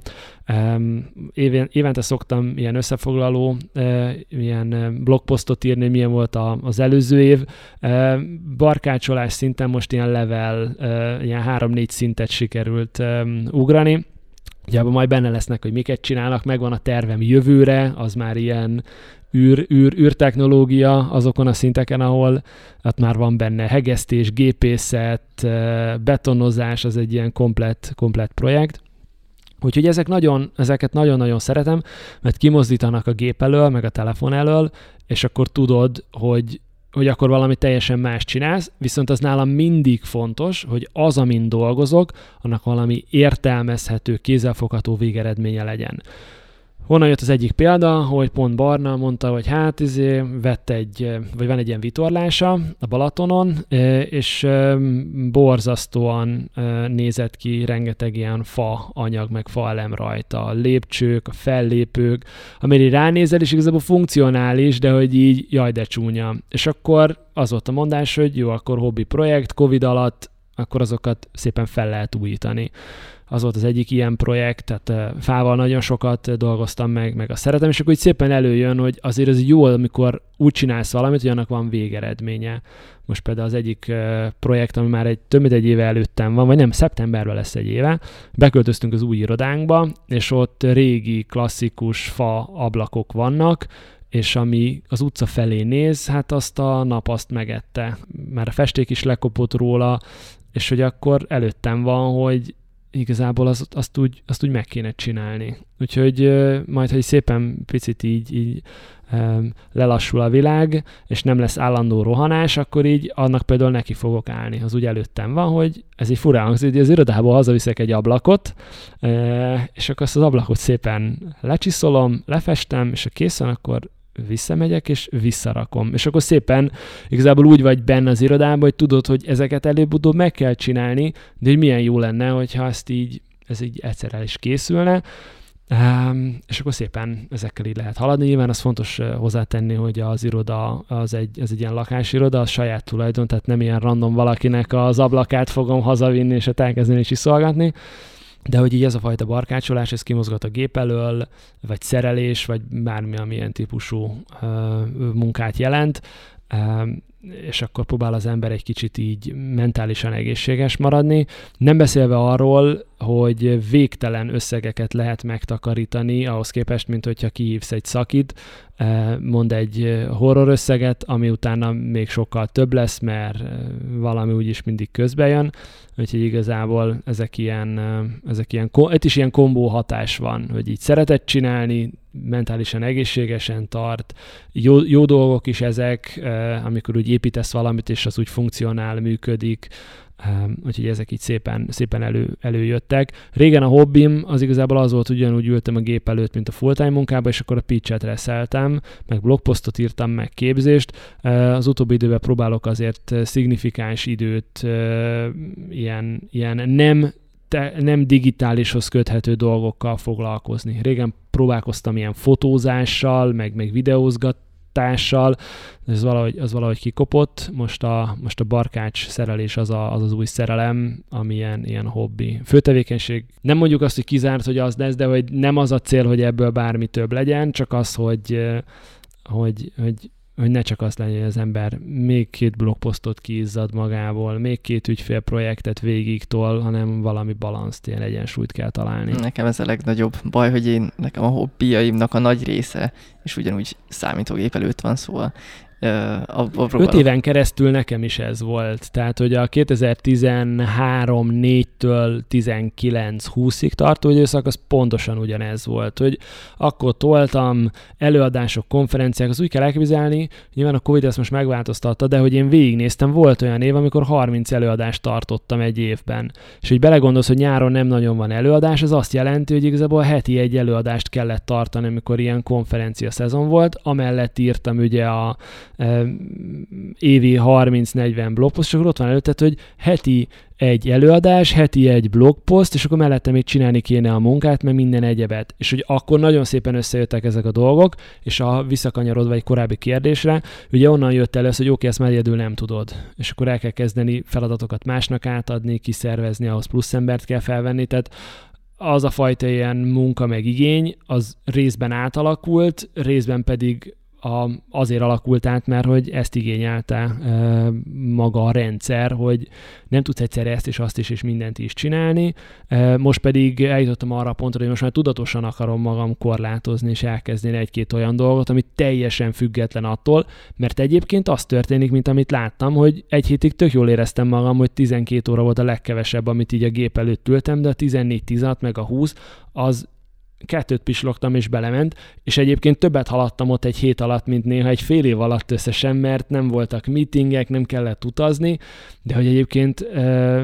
tök egészségtelen, hogy így ülsz egy asztalnál, egy széken, és így, így, így tolod és nyomod, és csak ugyanazt az egy dolgot csinálod. Úgyhogy emiatt kell vagy belső indítatásból, vagy valamilyen külső segítséggel így kilögdösni az embernek ebből magát. Van, akinél a sport ilyen, más főzni szeret, utazni, nálam most, most így a, így a sportot a, a barkácsolás váltotta föl, más focizni jár, én, én meg eh, valamit szerelek éppen. És azt hogy YouTube-ról tanulod, mert az tök érdekes, hogy ma már tényleg az van, hogy szinte mindent meg lehet tanulni YouTube-ról, meg ilyen kurzusokról szinte mindent YouTube-ról. A, most nem óriás szerelésnek mondom, de egyik nap nem volt meleg víz otthon, és akkor nézed a kazánt, oké, okay,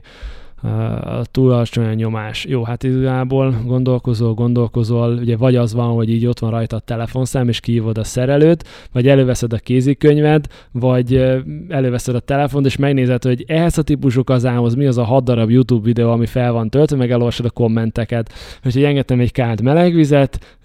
mint hogy langyos vizet, mert hogy meleg az így helyel közel volt, és akkor így végignéztem a videókat, és néztem, hogy jó, akkor ezek a problémák lehetnek, és akkor így végigmentem mind mindenen. Most már azt is tudom, megtaláltam, olyan videókat is találtam, hogy hogy kell a szervizüzeneteket kiütni belőle, eh, hogyha nem akarsz szerelőt hívni, nyilván nem ez az igény, csak hogyha téged nagyon idegesít, hogy mi történik, akkor milyen beállításokat csinál meg egyébként magán az eszközön a, a szerelő is. És akkor igazából este 10 óra volt, de hogy így jól elszórakoztam vele, és eh, fél óra múlva eh, primán működött a kazán úgy, ahogy egyébként kell neki, szinte minden YouTube-on,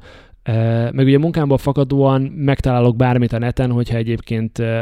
van erre. Ha fent van a neten, akkor megtalálod. Ha fent van a neten, akkor valószínűleg megtalálom. Vagy ha nincs fenn, lehet, hogy akkor is, csak valami alternatív megoldással. Úgyhogy én nagyon-nagyon sok YouTube videót szoktam nézegetni, például ez csak az új, egyik új projekthez vettem hegesztőgépet, és a hegesztőgépet még kisebb próbáltam, de már tudom YouTube videók alapján, hogy milyen áramerősséggel, feszültséggel tudom a megfelelő ívhegesztést azt majd egyébként megcsinálni, annélkül, hogy egyébként fogtam volna a kezembe a gépet, hogy működtettem volna, mert megnéztem azt a 4-5 videót, meg elolvastam a kommenteket hozzá, és így nem azt jelenti, hogy a lehető legjobb lesz, de hogy így valószínűleg azért így, így egy-két próbálkozás, meg egy-két dolog mellett azt így össze tudod rakni. Ugyanígy a főzésnél van egy kerámia gömbgrillem, és akkor rengeteg videót szoktam azzal kapcsolatban nézni, meg összehasonlító videókat, és akkor leírja, hogy figyelj, ő ezt 205 Fahrenheiten, ezt meg 270-en csinálta, ez lett a kettő közt a különbség és akkor be van mutat, ott van előttem, és tudom, hogy akkor 270-en kell csinálni, nem erőlködni, meg ott így gondolkodni, 250 felett kell mindenképp, 132 fok, és akkor tudom, hogy ne a 110 fokos ilyen sávot célozzam meg, mert akkor nem az jön ki belőle, hanem, hanem ez. Úgyhogy végtelen sok YouTube videó, azok, azokat mindig este nézem. Tehát lefekvés előtt más sorozatot, filmet néz, könyvet olvas, én meg a YouTube valamilyen bugyrában vagyok éppen, hogy ez főzés, ez hegesztés, ez, ez, valami, ez valami teljesen más. Múltkor csináltam, uh, megcsináltam a, a egy az egy replikáját a, a, a Mac is McFreeze fagyinak, ízre tökéletes lett, állagra nem, tehát azt nem vállalom, még a fotót sem mutatom meg, az itt teljesen szétesett, de hogy így most már így nagyjából értem és látom, hogy milyen alapanyagokból tudnád egyébként ugyanazt létrehozni, eh, hogyha akarod. Csináltam csoki szószt meg karamelt, a karamell az zseniális lett, a csoki azt szerintem vállalhatatlan, azt nem is értem a receptet, hogy, de hogy akkor ezek így megvannak, eh, megvannak így előtted, és akkor a YouTube az, ami, ami nekem így a, a nyilván a Google keresés, de egyébként, hogyha valami fizikai dologhoz kapcsolódik, akkor a YouTube a,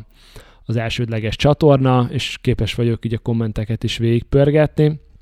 és akkor utána, amit kell, azt igazából így lejegyzetelem, meg kimentem magamnak, amit így tudni kell róla, hogy így ne az legyen, hogy még egyszer vissza kell menni, és meg kell nézni 40 perc videót, hanem azt a kettő dolgot azt leírom magamnak, ami így fontos belőle,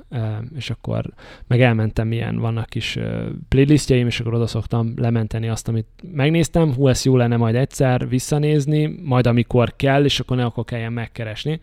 és akkor az ott ezt szépen a ott van. tanulás iránti vágyat, ez a, ez a YouTube ezt teljesen ki tudja szolgálni, és ez amúgy, hogyha visszatérünk ebből a szempontból kicsit SEO-ra, akkor ugye a YouTube is a, a Google-é, és ott is egyre jobban megy a, a SEO-zás, vagy ott is lehet már ezt használni,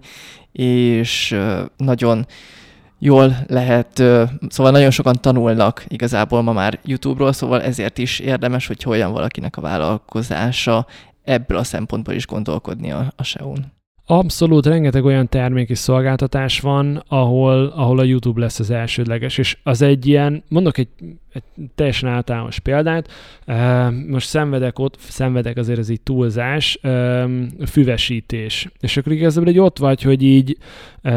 milyen fűmag, milyen a talaj, a talaj pH, hogyan öntöz, rengeteg ilyen kérdés felmerül, és így leülhetsz elkezdeni ilyen blogposztokat nézegetni, de hogyha így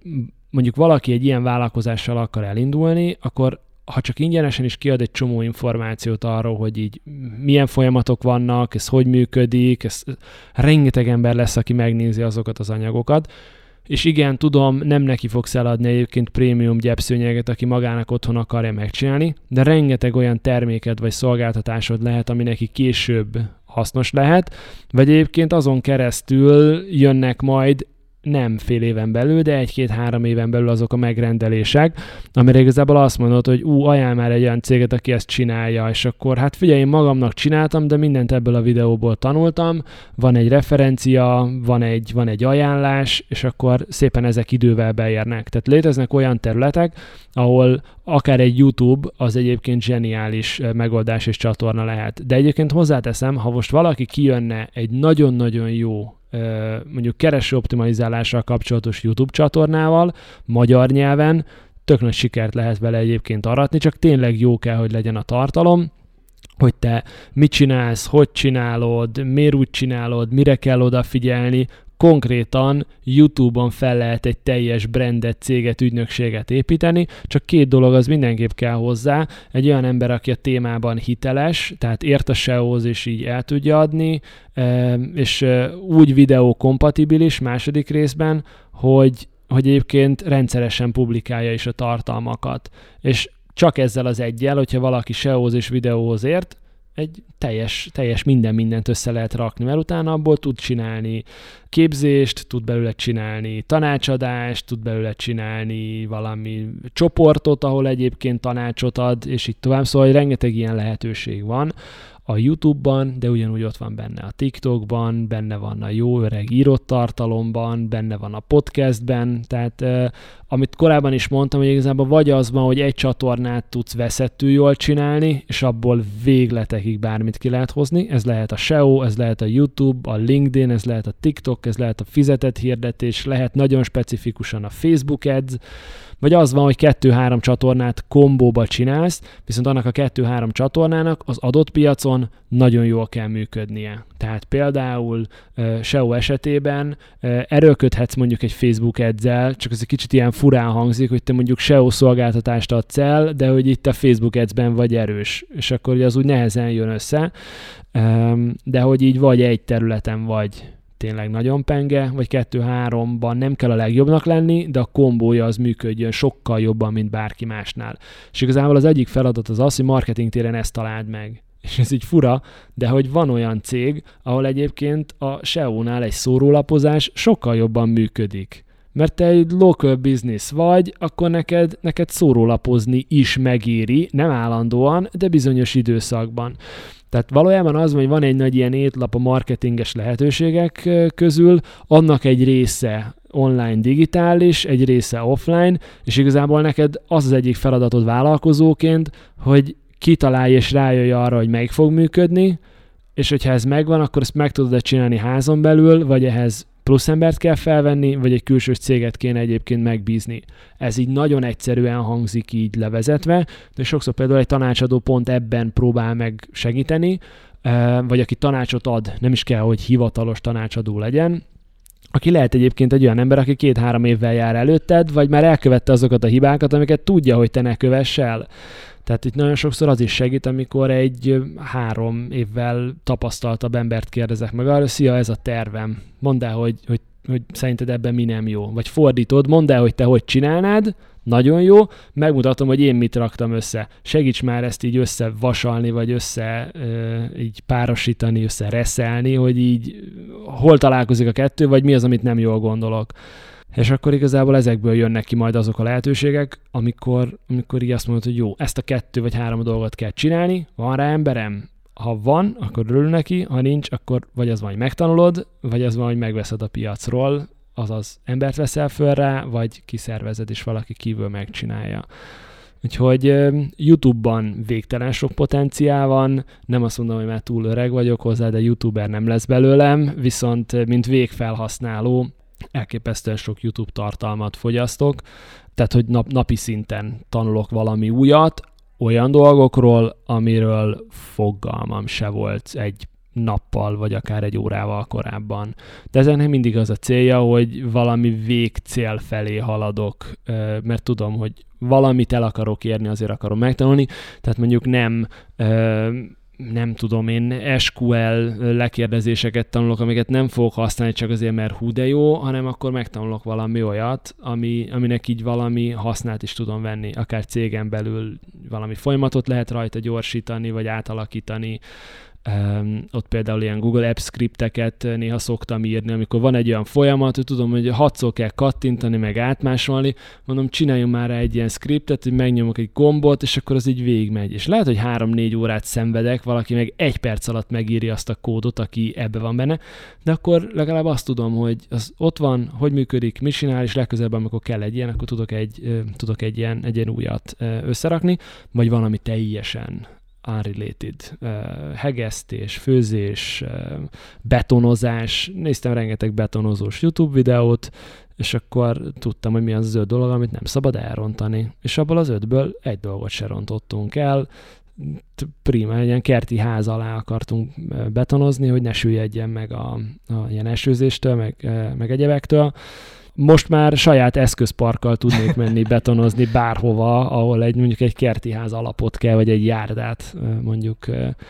síkra szépen betonozni. Úgyhogy ilyenek a mindennapok, ami nem munkával telik, de hogy ezek ilyen tudatosan terelt és menedzselt, vagy ilyen átterelt történetek. Ez volt a Végre Hétfő Podcast tizedik adása velem Nagy Attilával és Pap Gáborral. Gábor felajánlotta az egyik kurzusát, amit a nyertes szabadon választhat a több mint 25 közül. Ehhez lép be a Végre Hétfő Podcast Facebook csoportjába, és ott megtalálod a lépéseket. Ha érdekelnek az adás jegyzetei és linkjei, a legkönnyebben a végrehétfő.hu per vh10 címen éred el őket. Ha jobban érdekel, hogy mit csinálok, akkor az Instán az attillanagy.23 néven vagyok jelen, Youtube-on pedig Nagy Attila néven. Itt fent lesznek a végre hétfő adásai is, és még rengeteg más tartalmat is találhatsz. Remélem izgalmas volt számodra a beszélgetés, két hét múlva találkozunk a következő végre hétfő adásban.